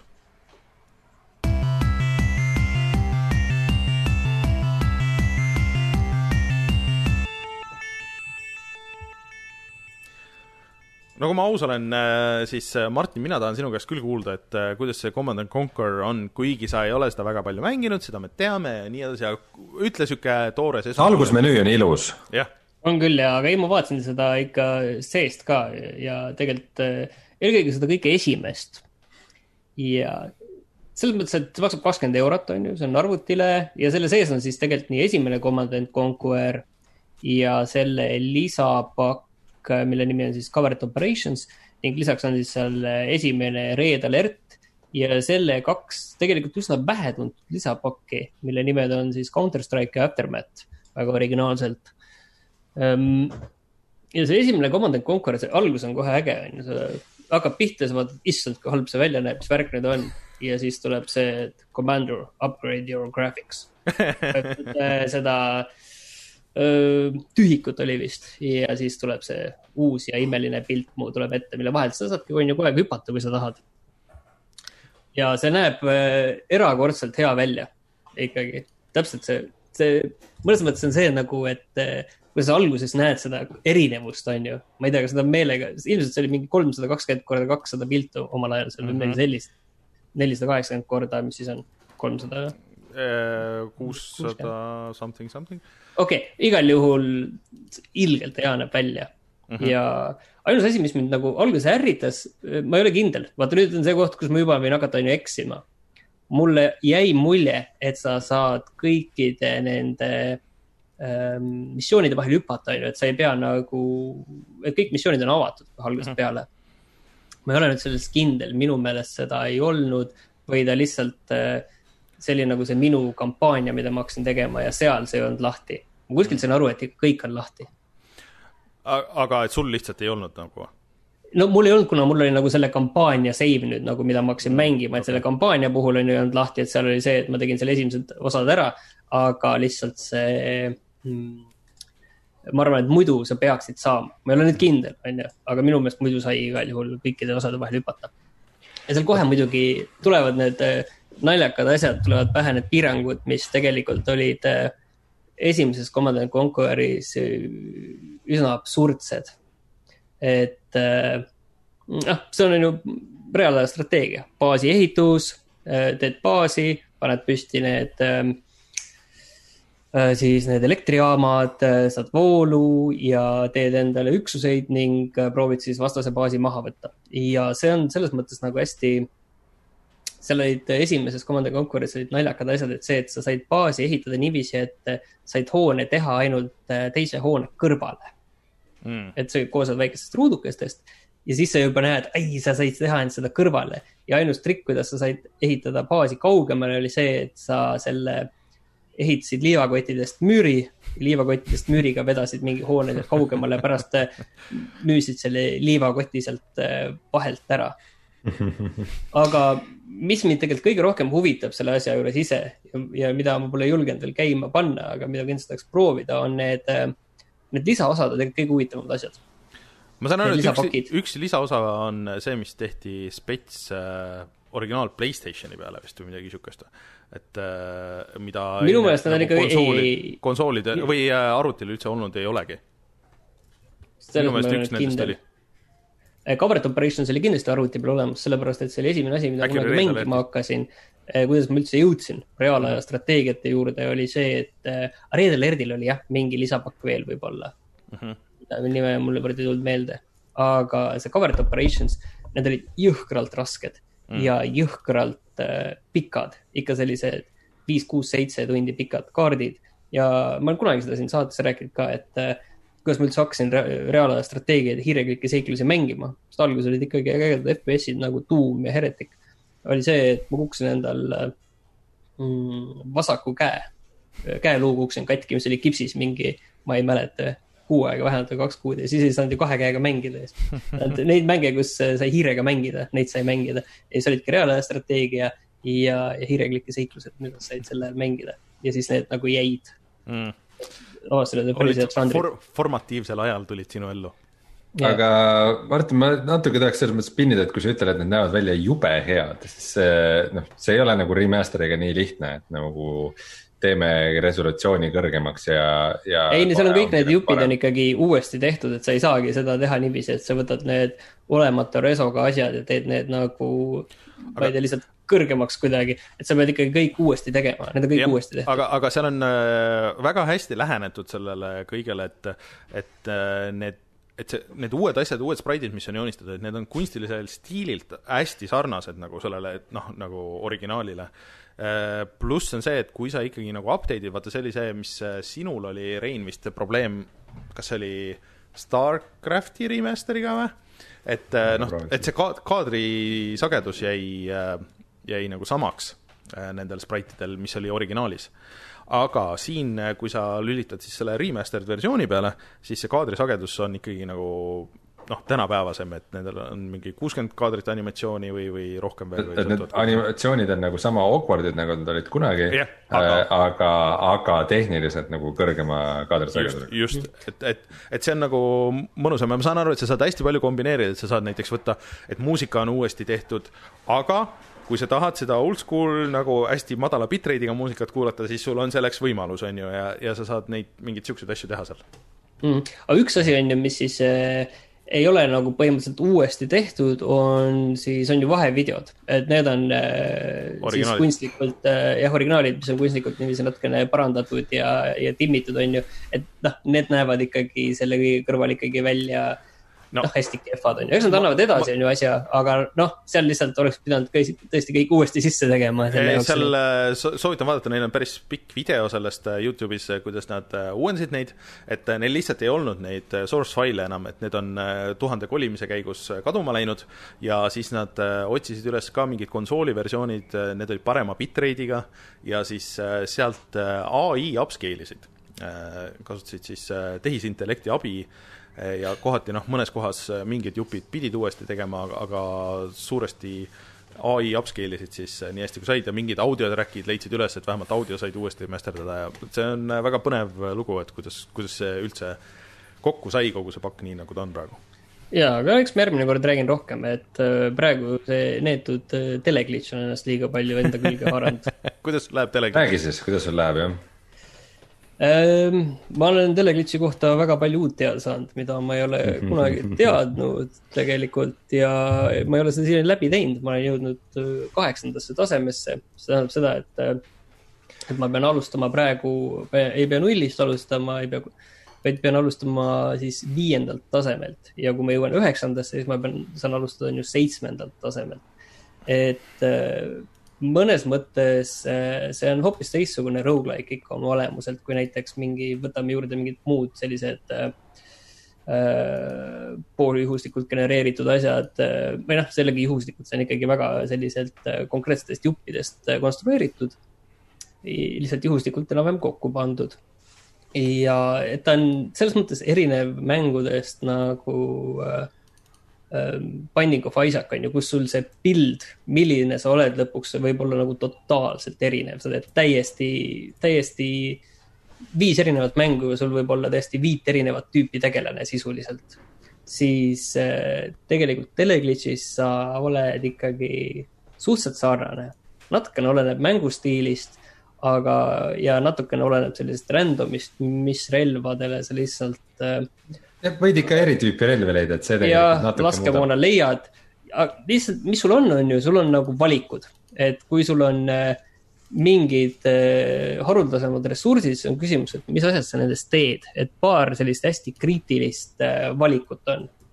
kõige kriitilisem valik on ilmselt seal suhteliselt lõpus, seal kaheksandas kohe või tegelikult mina, ei, mina sain selle Magneti seitsmendas, et see Magnet on üks kõige kriitilisemaid asju, mis sa seal ma tahtsin ka just öelda, et ma, see oli mulle ka uudis, et äh, kui ma nüüd hiljuti mängisin, et Magnetiga siis saab teha mingisuguse kilbi, mis äh, suunab veidikene kuulid sinu ümbert minema. jah, mis on eriti just nagu lõpus, kus mida mäng edasi, seda rohkem tuleb nii-öelda äh, robotvastaseid, kes ka tulistavad sind päris tigedalt. Eh, juba seitsmes oli sellega päris kõva hakkamasaamine, aga põhimõtteliselt magnetid äh, tropib mäng sulle ainult ühe korra ja sul on kaks varianti, kas sa teed sellest selle kilbi, mis neid kuule eemale tõrjub suures osas. põhimõtteliselt on selline oluline lisaarmor või siis sa teed railgun'i, mis pigem tundub nagu, et on veits nagu mõttetu võrreldes sellega, et ärge tehke railgun'i aga teised mina ka ei saanud aru Railguni pointist, jah. aga teised valikud on pigem sellised, et, et noh, kas sa teed endale, noh, ütleme, need on sellised keskfaasi valikud seal, ütleme viiendast kuni seitsmendani, et kas sa teed endale selle parema vastaste detektori või sa teed endale rohkem teleporte. et sellised, noh, põhimõtteliselt on seal mõned nagu valikud, mis on nagu hästi olulised või mingid paari relva tegemisel et millise laserrelva sa teed endale või teed mingi elektrirelva või, või teed siis selle automaadi, millega saad lasta läbi, läbi nii-öelda turvisega vastast. et seal paar sellist valikut, aga põhimõtteliselt sa saad enam-vähem need val-, need valikud igas mängus, sa saad piisavalt palju nagu suunata, et sa saad üsna samasuguse pildi endale. mm.. kuigi noh, alati soovitan muidugi erinevaid pilde proovida, aga selles mõttes on äge, et Teleglitch ikkagi ta, ta nagu veab välja vaata lõpupoole ka ja seal tuleb nagu uusi asju ja. jah, aga samas vaata see seitsmes level on, et see on, oleneb ka sellest, et eh, seitsmes level oli, ei kaheksas on kaks erinevat, seitsmes on vist oli sama, aga kuues on kaks erinevat. et seal on natuke erinevat tüüpi vastaseid nendes levelites, et vastavalt sellele, et kas sul on nagu need armor piercing relvad, on sul laserrelvad, et mis relvadega sa sinna lähed Aga ja ma- noh, sa, jah, ei, mul oli lihtsalt kaks küsimust nagu sulle selle, selle kõige peale, et, et äh, kui pikk see üks run umbes on nagu, kui sa jõuad sinna otsast lõpuni? või sinna kuskile No ma ei ole seitsmesse lõpuni jõudnud, aga- About nagu selles ma ei tee enam seda, et ma nullist teeksin seitsmendasse, aga ütleme niiviisi, et noh, esimesed paar levelit, need on ka üsna suured, aga sa teed need üsna lihtsalt läbi, ma arvan, et kümme, kaksteist minutit. Mhm. aga ma arvan, et seesama seekord, kui ma nüüd selle seitsmenda läbi tegin ja jõudsin kaheksandasse, ma olen sinna vist kaks korda nüüd jõudnud, siis seitsmendat ma teen ikka niiviisi, et äh, pool tundi, et sa ikka väga nagu. ühte levelit.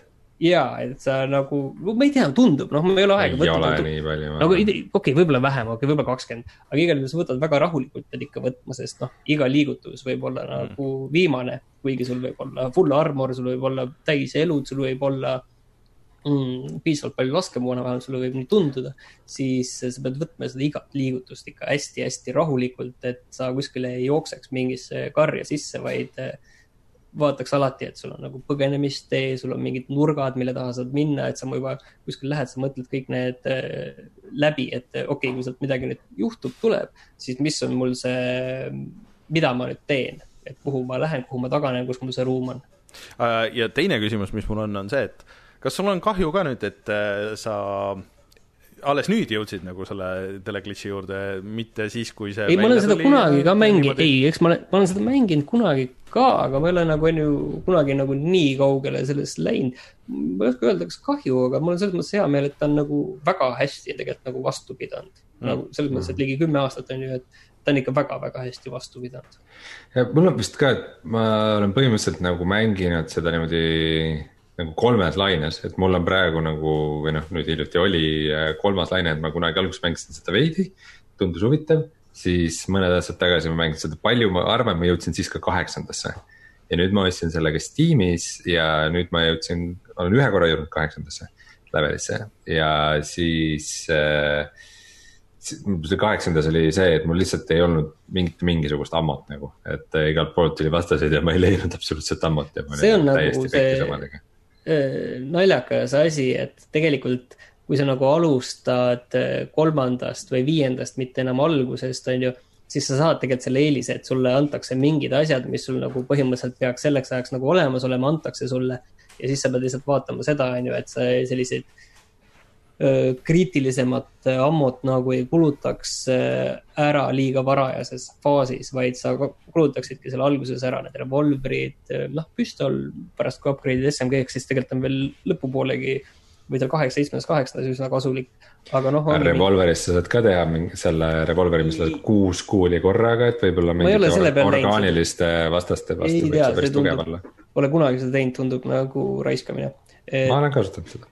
Et äh, pigem, pigem on seal lihtsalt see, et, et sa lihtsalt äh, noh, need revolvri kuulid kasutaksid alguses ära, sa revolvri võid ka upgrade ida selleks, et ta kasutab neid automaadi kuule, on ju. et aga pigem kasutada need revolvri kuulid ära ja, ja noh, mingi hetk on see, kus see pump vist muutub ka selliseks äh, veits nagu selliseks kahtlaseks, vähemalt mul oli üks run, kus enam-vähem kuuendas, seitsmendas ei troppinud nagu üldse pumba neid ähm,, mitte kuule, vaid siis neid, neid asju, mida lastakse pumpist mm. -hmm. aga no Haamlid. kas siis, kas siis järgmiseks, järgmiseks äh, nädalaks oled, oled läbi teinud? Ei tea, ei tea, see on ta on, ta on ikkagi üsna, üsna rets, aga ma arvan, et ma teen selle läbi kui Rein. no ma, ma, kuna sina ei läinud alguses kaasa minu väljakutsega, et kes enne läbi teeb, siis ma nüüd olen teiste mängude peale edasi läinud, aga nüüd ma, kui ma kuulen, et sa ka kaheksandas oled, siis ma vist pean jälle nagu kõik muud mängud äh, Last of Us kahe ja asjad pooleli jätma ja, ja seda tegema. Aga noh, kui me siin juba räägime nendest rogu-like mängudest, eks, siis ma pean siia vahele ära mainima ka, et minu elus algas väga uus äh,, uus ja oluline etapp, et ähm, ma lõpuks ostsin ära siis Binding of Isaacu kõige viimase DLC äh, Afterbirth plussi, mida kuna seda ei võetud väga hästi vastu, kui see tuli, soovitati ikka selle eelmise versiooni juurde jääda. ma ei ole päris kindel, kas ma mängisin äh, seda Afterbirth'i või Rebirth'i tavalist, aga igatahes. Rebirth minu meelest tuleb mul meelde, aga ma pole kindel. ja vaata oligi, et oli Rebirth, siis oli Afterlife ja Afterlife pluss ja ma üritasin aru saada sellest süsteemist ja lõpuks ikkagi ei saanud, aga, aga Steam ütles, et sul on see asi olemas, aga sa ikkagi pead midagi juurde ostma ja mõtlesin, fuck it, ma ostan mis iganes ja ma nüüd olen seda uut mänginud, et äh, see on, see on raske, seal on sellel grid mode'il on ka uus raskusaste. Ma ei ole selle, seda veel, neid tavalisi bosse isegi läbi teinud, sest mingisugused asjad on, mis, mida, mida ma ei tunne, mingid uued kollitüübid ja kipuvad ikkagi pekki minema, mõned need läbijooksud, aga aga omamoodi vahva, et teie mäng, mis, kuhu ma olen kolmsada tundi pannud nagu sellesse tavaversiooni, aga mingitesse flash'i versioonidesse asjadesse veel, ma ei tea, kui palju tunde, et siis. See ikkagi suudab üllatada ja sellele peaks ka see aasta vist tulema veel mingisugune uudisepakk äh,. aga sellel, Macmillan tegi seda, eks ole, on ju? jah. Äh, tal on ju Kickstarteris mingi päris äh, huvitav see kaardimäng oli, oli tulemas varsti, et kui keegi tahab toetada füüsiliste asjadega, siis tema stiil ja, ja kaardimäng, see tundus, tundus lõbus mm. -hmm. aga tegelikult ma tahtsin hoopis ühest teisest rogu-like'ist äh, rääkida, ehk siis Hadesest. Et äh, Hades on eesti keeles Hades, kuidas sa ütled Hades, Hades? ongi, ongi Hades, kunagi ei, oli Hades, siuke, kunagi oli siuke baar oli siin äh, mitte väga kaugel, siis me kutsusime Hadeseks seda. see on see lugu, mis jääb kõlama läbi äh,. mis aeg. mul on hea, hea meel, et sa rääkisid mm, -hmm. aga um, tegu on siis um, Supergiant Games ehk siis Bastioni loojate uue mänguga, mis on veel Steamis äh, early access'is. no Steamis ja. on ta uus mäng, ta muidu oli ju seal va, selles Epiku poes oli juba, jumal teab kaua aega tagasi. jah, kaks tuhat kaheksateist lõpus juba tuli ta Epica välja Epiku poes jah, aga, aga noh, selles mõttes uus mäng, et see on mäng, mida nad ikka veel teevad ja mis ei ole ikka veel valmis ja tegu on siis äh, siukse rogu-like mänguga, kus sa oled äh, allmajumal Hadese poeg Brit Zagreus, kes üritab allmaailmast välja, välja saada. iga kord on need ruumid natukene teistmoodi ja seal vastased natuke teistmoodi ja jumalad, kes sind aitavad, on teistmoodi. ja kui sa saad surma, siis sa leiad ennast ärkamas jälle verebasseinis ja pead kõike algusest peale tegema, aga siis samal ajal uuendad ka seal oma kambreid ja mingisuguseid asju, mis sul on. ja kogud sõpru. Ma olen nüüd teinud selle läbi, selles mõttes, et äh, viimane kord, kui ma mängisin, siis ma andsin oma isale äh, allmaju, allale Hadesele kolki äh,. väike spoiler, et äh, mis siis juhtub, on see, et mäng ütleb, et väga tubli äh,. et äh, aga seda, mis nüüd juhtub, seda me, seda sa veel ei tea, sest see ei ole veel valmis ja teeme nüüd näo, et äh, sa said tegelikult tappa ja sa oled nüüd tagasi seal alguses see, no, kas sa oled mõttes... tegelikult mängu läbi teinud või ei ole, et ma ei tea, et kas seda nüüd lugeda või mitte lugeda? et, et selles mõttes seal tegelikult nagu seda avastamist ja asju on seal väga palju ja nagu niisuguseid asju, mida sa saad veel upgrade ida ja osta sinna juurde ähm,. Ja avada nagu erinevaid asju, et neid on veel omajagu. et, et nagu mängu veel jagub ja tegelikult isegi see on üllatav, kui palju vaheldusrikkust või kui erinev nagu iga see läbimäng võib olla, et lisaks sellele, et sul on seal äh, vist kuus erinevat relva et mitte lihtsalt, et alguses on mõõk ja siis on vibu, siis on oda, kilp, mingid niuksed nagu mm, tugevdatud rusikad ja püss. Et nagu, nagu iga nagu relvadest tüüp on täiesti erinev. lisaks sellele saavad neile nagu erinevaid aspekte ja siis on päris palju neid erinevaid jumalaid ja neid oskusi, mis sa nende käest saad ja erinevaid upgrade'e. ja neid kombinatsioone on nagu ikka hämmastaval hulgal äh,. Hades meeldib mulle, ta on äge mäng, ta näeb kihvt välja, ta, see mehaanikad ja asjad on põnevad. võib-olla see päris see mängitavus on minu jaoks natuke nihuke button mashing, aga, aga noh, ta toimib. Mida ma võib-olla ei oodanud äh, sellelt Hadeselt on see, et äh, tal on tegelikult päris äge story ja ta on nagu ühel hetkel avastasin, et mind on nagu sisse tõmmatud siuksesse visuaalsesse novelli mm.. et äh, need noh, alguses tundub, et noh, et kohtad mingeid jumalaid ja annavad sulle mingeid upgrade'e, ütlevad midagi. aga neid asju, mida need jumalad ütlevad, on nagu nii palju ja nad nagu avavad ka seda tausta ja miks see, miks see Hades ei taha, et sa välja saad ja nagu tema karakterit veidikene. Äh, et see Hades ei ole mingi sihuke tavaline paha, vaid tal on mingid omad motivatsioonid, mida ta ei räägi. Äh, ja ja siis need, sul vahepeal on nagu valikukohad, kus sa pead valima ühe või teise jumala vahel, aga siis kui sa ühe valid, siis see teine saab ilgelt vihaseks ja mm -hmm. siis ta teine nagu ründab sind või noh, läbi mingite kollide ja mingite asjade, mis ta sulle peale paneb ja, ja nagu ma ühel hetkel nagu avastasin, et ma olen nagu päris investeeritud ja nagu tahan, tahan kuulda ja need, see kunst ja kogu see stiil on äge, et et, et see on Aga ikkagi kas... märksa vägevam mäng, kui ma arvasin. kas sa nüüd oled natuke pettunud, et sa praegu võitsid selle, et ei oodanud ära, et, et see lõplikult valmis saab, et oleks ei, rohkem rõõmu? kuna ta on hästi, vaat me oleme rääkinud sellest, et nagu mingid siuksed nagu mingid äh, Subnauticat või Wastelandi, vaata siukseid mänge ma küll ei tahaks nagu mängida, kui need ei ole valmis, et see on nagu niuke single player story ja sa lähed seal ja kui ühel hetkel on see, et oo oh,, et nüüd on, sai mäng otsa ja siis on mõttetu, aga. aga see on siuke hästi korratav äh, mäng äh,, siuke mehaanikatele tuginev äh, mäng, siis seda on. aga nagu palju sellest see üks, üks run umbes võtab, et kus sa sinna lõppu ära jõudsid?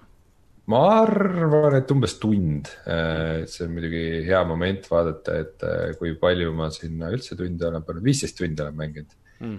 et, äh, et jah, et ma ütleks, et nihuke edukas pikaajalisem run on umbes, umbes tund. Ja mm. noh, su eesmärk on kõikidele bossidele ikkagi ära teha kõikide relvadega. Mm.. neid kombinatsioone ja läbimänge nagu on, on, on päris palju, mida, mida saab saavutada ja ma arvan, et Hades väärib ka kohta meie värske uh, kulla tabelis. värske kulla tabelis jah, ma arvan, et see on, no see on nii värske kuld, et see pole väljaski, eks ole. muidu oleks teleglitch'i pannud ka, aga no see on ikka natuke piinlik on no aga paneme, oota, ma panen kohe selle, kohe selle kirja ja siis, siis vaatame edasi, oot-oot. nüüd mul just panin eest ära kõik need kus on meie värske kuld, värske kuld ja sinna paneme siis, ma arvan, et Doom Eternal kukub meil välja ja siis äh, läheb oh., Hades läheb meil sinna sisse. mis meil siis praegu on värskes kullas? Hades, Man-Eater, Animal Crossing New Horizons on sihuke, sihuke see. aga ma räägin ka siis uuest mängust äh, siia peale. ehk siis juuksetüdruk äh,. juuksetüdruk, Shantae and the Seven Sirens äh, ma sellest eelmisest, neid on tegelikult juba mingi viis või kuus, neid Shantae mänge Äh, et ma eelmisest äh, rääkisin, see mulle väga meeldis, aga see oli üldiselt nagu hoopis teistsugune mäng kui äh, kui need siis sellest eelnevad. ehk siis, et muidu need esimesed on olnud kõik pigem niisugused Metroidvaniad, ehk siis kus sul on üks suur kaart ja siis sa hakkad seda otsast avastama ja siis noh, mängitavus on nagu külje pealt ja siis niisugune platvormikas. ja Shantae on siis half genie ehk siis pooleldi haljas või midagi niisugust või ma ei tea, mis see genie, see džinn, jah, pool, pool, pool džinn Äh, et ähm,. Chill long drink. Äh, pidin selle nalja ära tegema, vabandust. ja, ja et äh, ühesõnaga ja tal on võime siis muutuda äh, läbi tantsu teisteks äh, elukateks, kes siis aitavad sul paremini siis avastada seda, seda maailma ja, ja siis võidelda paremini ja kõike seda teha Äh, ja eelmine mäng oli ka nagu rohkem, see oli esimene, mis oli nagu HD-s, aga see oli, see oli tehtud nagu see DuckTalesi remaster, et et kõik, mis sul oli esiplaanil, oli 2D ja siis tagaplaan kõik oli nagu 3D. aga see uus nüüd on äh, pigem nagu kõik on 2D ja nad on isegi nagu selle 2D-ga läinud, äh, see on WayForwardi mäng, kes teeb väga hästi neid 2D mänge, siis läinud nagu nii kaugele, et seal äh, need vaheklipid on nagu täis anime, et konkreetselt nagu lastudki ühel hästi kuulsal animestuudiol, mis ei ole Ghibli, mul ei ole see meeles, aga, aga nad on teinud palju niisuguseid hinnatud animeseriaale ja siis on nende poolt tehtud, mis on väga lõbusad. ja story on ka niisugune, et noh, et Chantal läheb põhimõtteliselt poolhaljati missivõistlusele ja kõik teised kaovad ära ja siis minu ülesanne on otsida nad üles saare pealt, ära päästa ja siis ma saan nende osad võimed saan endale ja siis ma saan nendega jälle avada uusi, uusi saare osasid. mulle hullult meeldib see siiamaani, et see tuli tegelikult välja or originaalis selle äh, Apple, mis see oli siis, Apple'i mm, game Apple Arcade. Apple Arcade ja. ja ma proovisin seda ja siis mulle tundus, et ah, ma, miks peaks keegi, et see tundus nagu äge, kõik see introd ja kõik need olid seal olemas, onju, aga miks keegi peaks seda mängima ilma nuppudeta, et ma ootan, et kui see kuskile mujale ilmub, kui see ilmub, onju. ja nüüd see nagu ilmus ja see on hullult hästi mängib, ehk siis kogu see hüppamine, ma võtsin selle Switchi versiooni, mis maksis kolmkümmend viis või midagi niisugust eurot. Äh, ja reageerib hästi kiiresti, see hüppamine ja kõik see ringi, ringi liikumine on hästi mõnus, ma juba olen saanud seal mingid need esimesed võimed, et ma saan nagu dash ida ja, ja seinti küll kinni jääda niisuguse väikse äh, selle äh, äh, noh, ütle siis nagu gekona või niisugune sisalik. ja siis äh, esimese tantsu, et mis näitab mulle mingeid peidetud asju ja järjest avastad seda maailma ja ma arvan, et kui keegi tahab äh, sukelduda Metroidvaniasse ja näiteks äh, see Bloodstained tundub äh, liiga raske või nagu liiga hoomamatu, siis Shantae and the Seven Sirens on väga hea võimalus selleks. et ta on väga sihuke, näeb välja niisugune lastesõbralik ja niimoodi, aga ta on ikka nagu päris tricky, et need mingid bossi võitlused siin, mis on juba olnud ja mingid platvormimised ka, et need ei ole päris nagu niisama lihtsad, et see nagu mõtlema jäid meile võlgu vist nüüd hinna ja mille peal seda mängida? Äh, see on väljas vist suht-koht kõige peal ja ma hinna ütlesin ka tegelikult, see oli vist ah., oli äh, kolmkümmend viis eurot, kui ma täpselt mäletan õigesti. et, ähm, et selle eest on nagu mängu küll, ta on üks ma arvan, et mingi kuus-seitse tundi, kui sa nagu jutti läbi mängid, kui ma siin vaatan Youtube'is. kakskümmend, kakskümmend viis eurot on Steamis. kakskümmend viis eurot Steamis või? siis mm. oh, keegi annab signaali uus, aga, aga siis äh, siis Switchi peal on küll äh, kallim, sest et kakskümmend viis ta minu meelest ei olnud seal. et äh, kui keegi tahab Switchi tax'i maksta selle eest, siis, siis on see võimalus, aga ma just võtsin, et mängida oma Switch Lite'i peal, kus näeb väga hea välja. Ja kõik töötab hästi. Vot, ja siis ma tegin What the Golfi tegin läbi. Äh, meil on siis ka video Watergolfist, äh, kui keegi ei ole vaadanud, siis minge vaadake. Äh, ja see oli, läbimäng oli mingisugune, no ma tegin mingeid neid kõrvalasju seal ka ja, ja mingit osa korra alustasin uuesti, sest et save ei tulnud üle, mis iganes. aga oli mingi neli pool tundi. et kui tahad, tahta, siis ma arvan, et mingi tund või, või kaks oleks seal nagu veel teha asju. kohe praegu nagu ei viitsi. aga minu meelest sellega on ka see, et äh, selle raha eest seal on mängu küll. Äh, ma äh, julgen soovitada nagu kõigile, kes tahavad just nagu lastega mängida, seal on väga ägedaid neid, see Superhoti level oli väga tuus. siis Portali levelid olid väga lahedad, mida korraks vist selles videos ka nägime ja Metal Gear'i referentse olid päris huvitavad ja eriti, eriti sürrid olid need mingisugused FPS levelid kus sa siis ähm, pidid hoidma seda ähm, switch'i nagu enda ees või noh, nagu keerama niimoodi nagu, nagu VR-is. Äh, ja siis vaatasid maailmas ringi ja siis pidid sihtima niimoodi ja, ja siukseid asju tegema. et ta suutis nagu lõpuni selle nelja, nelja poole tunni jooksul nagu hoida seda uudsust kogu aeg ja, ja et ei läinud igavaks ära ja et ähm, kus iganes platvormil te seda näete ja mängida saate, siis äh, julgelt soovitan. What a golf vot. tahtsin seda küsida veel Shantae kohta, et kas tegu on raske mänguga? no ta, ta ei ole lihtne, et äh, need bossi võitlused ja see, et sa pead ikka jälgima seal kaardi peal äh, noh, äh, eelmine oli nagu siis nagu niisugune klassikalisem platvormikas, et kus sul olid, läksid levelisse, level küll oli nagu, lõpuks jõudis alati nagu ringiga nagu algusesse tagasi, on ju, aga et sul oli ikkagi nagu leveli põhiline liikumine, et, et see on Metroidvania, et sa pead kogu aeg nagu jälgima seal kaardi pealt, okei okay,, et kus ma olen käinud, kus ma ei ole käinud, kui sa tahad seda küsida, et kas see oleks midagi mida lastele anda, siis ma kardan, et see on võib-olla nagu natuke liiga keeruline, hoolimata sellest, et ta näeb nagu äge ja niisugune lastekas välja võib-olla lasta lastel vaadata sellele, kui ise mängida. võib-olla küll, sest et ma arvan, et kui sa sealt algusest või noh, edasi saad, siis, siis ta, need bossi võitlused on ikka nagu, on nagu ikka päris, et selles mõttes, et ei anta armu. sama oli selle eelmise osaga ka. vot äh, ja üldiselt noh, ma olen nagu me kõik siis äh, tegelikult oleme muul ajal mänginud äh, The Last of Us kahte ja, ja siis järgmine nädal saame teile sellest rääkida äh,, kuidas on, praegu saame lihtsalt öelda, et see on meil olemas, see on videomäng, me mängime seda mm. -hmm. vot, aga tuleme tagasi ja siis äh, vaatame, mis on internetis odav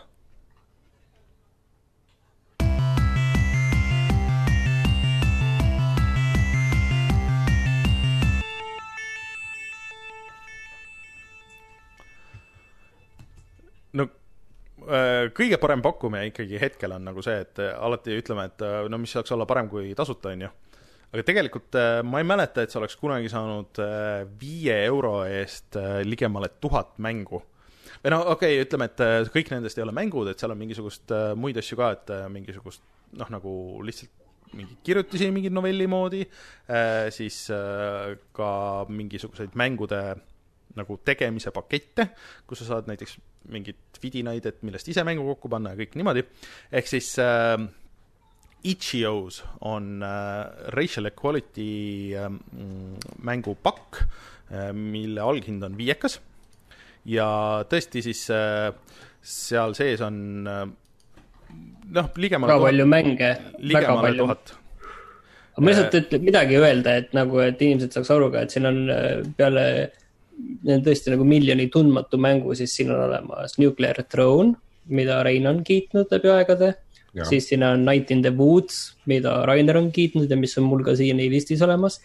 Short Hike, mida sina ah, kiitsid just. Mm.. täpselt, sinna ma tahtsin jõuda ja need olid kolm asja, mis mul kohe esimese hooga silma jäid, aga siin on kindlasti neid asju veel. no siin kohe üleval on Celeste äh,, siis. aa, Celeste, okei okay,, no näed, see on suht kallis on tegelikult ju alati. ja, ja siis ähm, midagi mul uh,. Death and Taxes. Death and Taxes on täitsa olemas. ja äh, siis Oxenfree, mis sulle kunagi meeldis äh, Äh, ja pluss. siiani läbimata, kusjuures, aga see on mul siiani installitud, nii et. ja kõik tulud sellest lähevad äh, heategevusse, nii et, äh, et andke hea asja eest ja saate tuhat mängu. kõige suurem miinus selle juures on muidugi see, et see on itch.io enda selles keskkonnas, et need ei ole koodid kuskile mujale ega midagi, et need on põhimõtteliselt ilma siis selle DRM-ita. DRM-ita jah, et sa tõmbad alla, sul on exe ja siis noh, osad mängud siin on veel ka veel early access'is ja need Octodad on siin, ma vaatan, jah. ma arvan, et ma ikka ostan selle ära, et siis äh, lihtsalt toetada asja ja siis äh, saada osad ka niisugused äh, indikad, mida ma olen alati mõelnud, et võiks vähemalt proovida korra. aa, ja Death and Taxes jah, et äh, äh, on siin selles pakis ja Death and Taxesi Leene ütles äh, Discordis, et äh, siin on vist mingi nädala ajaga mänginud Death and Taxesit kümme äh, tuhat inimest, midagi niisugust, mis on päris kõva number, ütleme niimoodi, et suurem osa on tulnud sellest pakist et äh, päris hea võimalus promoda enda neid asju.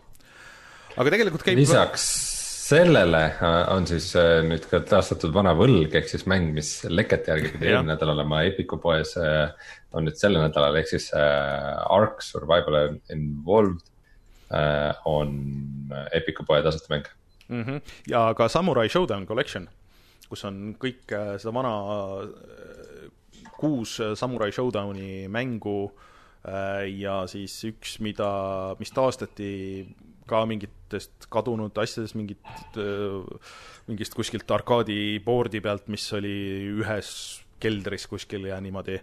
Äh, muidu maksaks see nelikümmend eurot, see just tuli välja äh, teist igale poole, et äh, see on ka kindlasti väärt.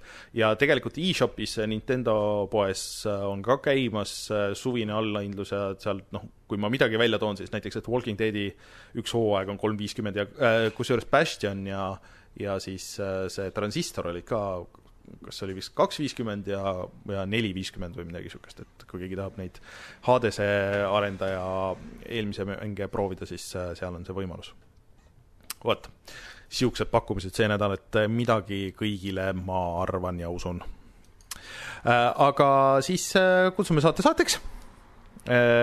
suured tänud Kristjanile ja siis loodetavasti kuuleme varstigi, et kuidas on FutuClass päriselus kuidas see peale läheb inimestele. ja siis äh, meie jääme ootama neid äh, Sony uudiseid, kui midagi väga suurt on, no eks me võime teha erisaate, aga no ma ei tea, mis see täpselt peaks olema. Mina ei luba midagi. jah, ja hoidke silm peal internetil, siis jah, see nädalavahetus on ka see äh, PC äh, Gameri äh, arvutimängude üritus, et ma loodan küll, et see persona tuleb, sest et äh, see on asi, mida ma olen alati tahtnud proovida. Ja mis meil veel on, eh, vaadake meie Youtube'i kanalisse siis ka jah, et vaadake neid intekaid teiste Eesti mänguarendajatega, jagage, kuulake, saage inspireeritud, see oli väga paljude inimeste jaoks, ma saan aru, avas väga palju silmi. ja siis äh, Man-Eateri video loodetavasti ka kohe varsti internetis juba olemas, kui juba veel ei ole. ja meie oleme tagasi siis juba järgmisel nädalal, mina olen Rainer, minuga Rein ja Martin, tšau Ciao. Ciao.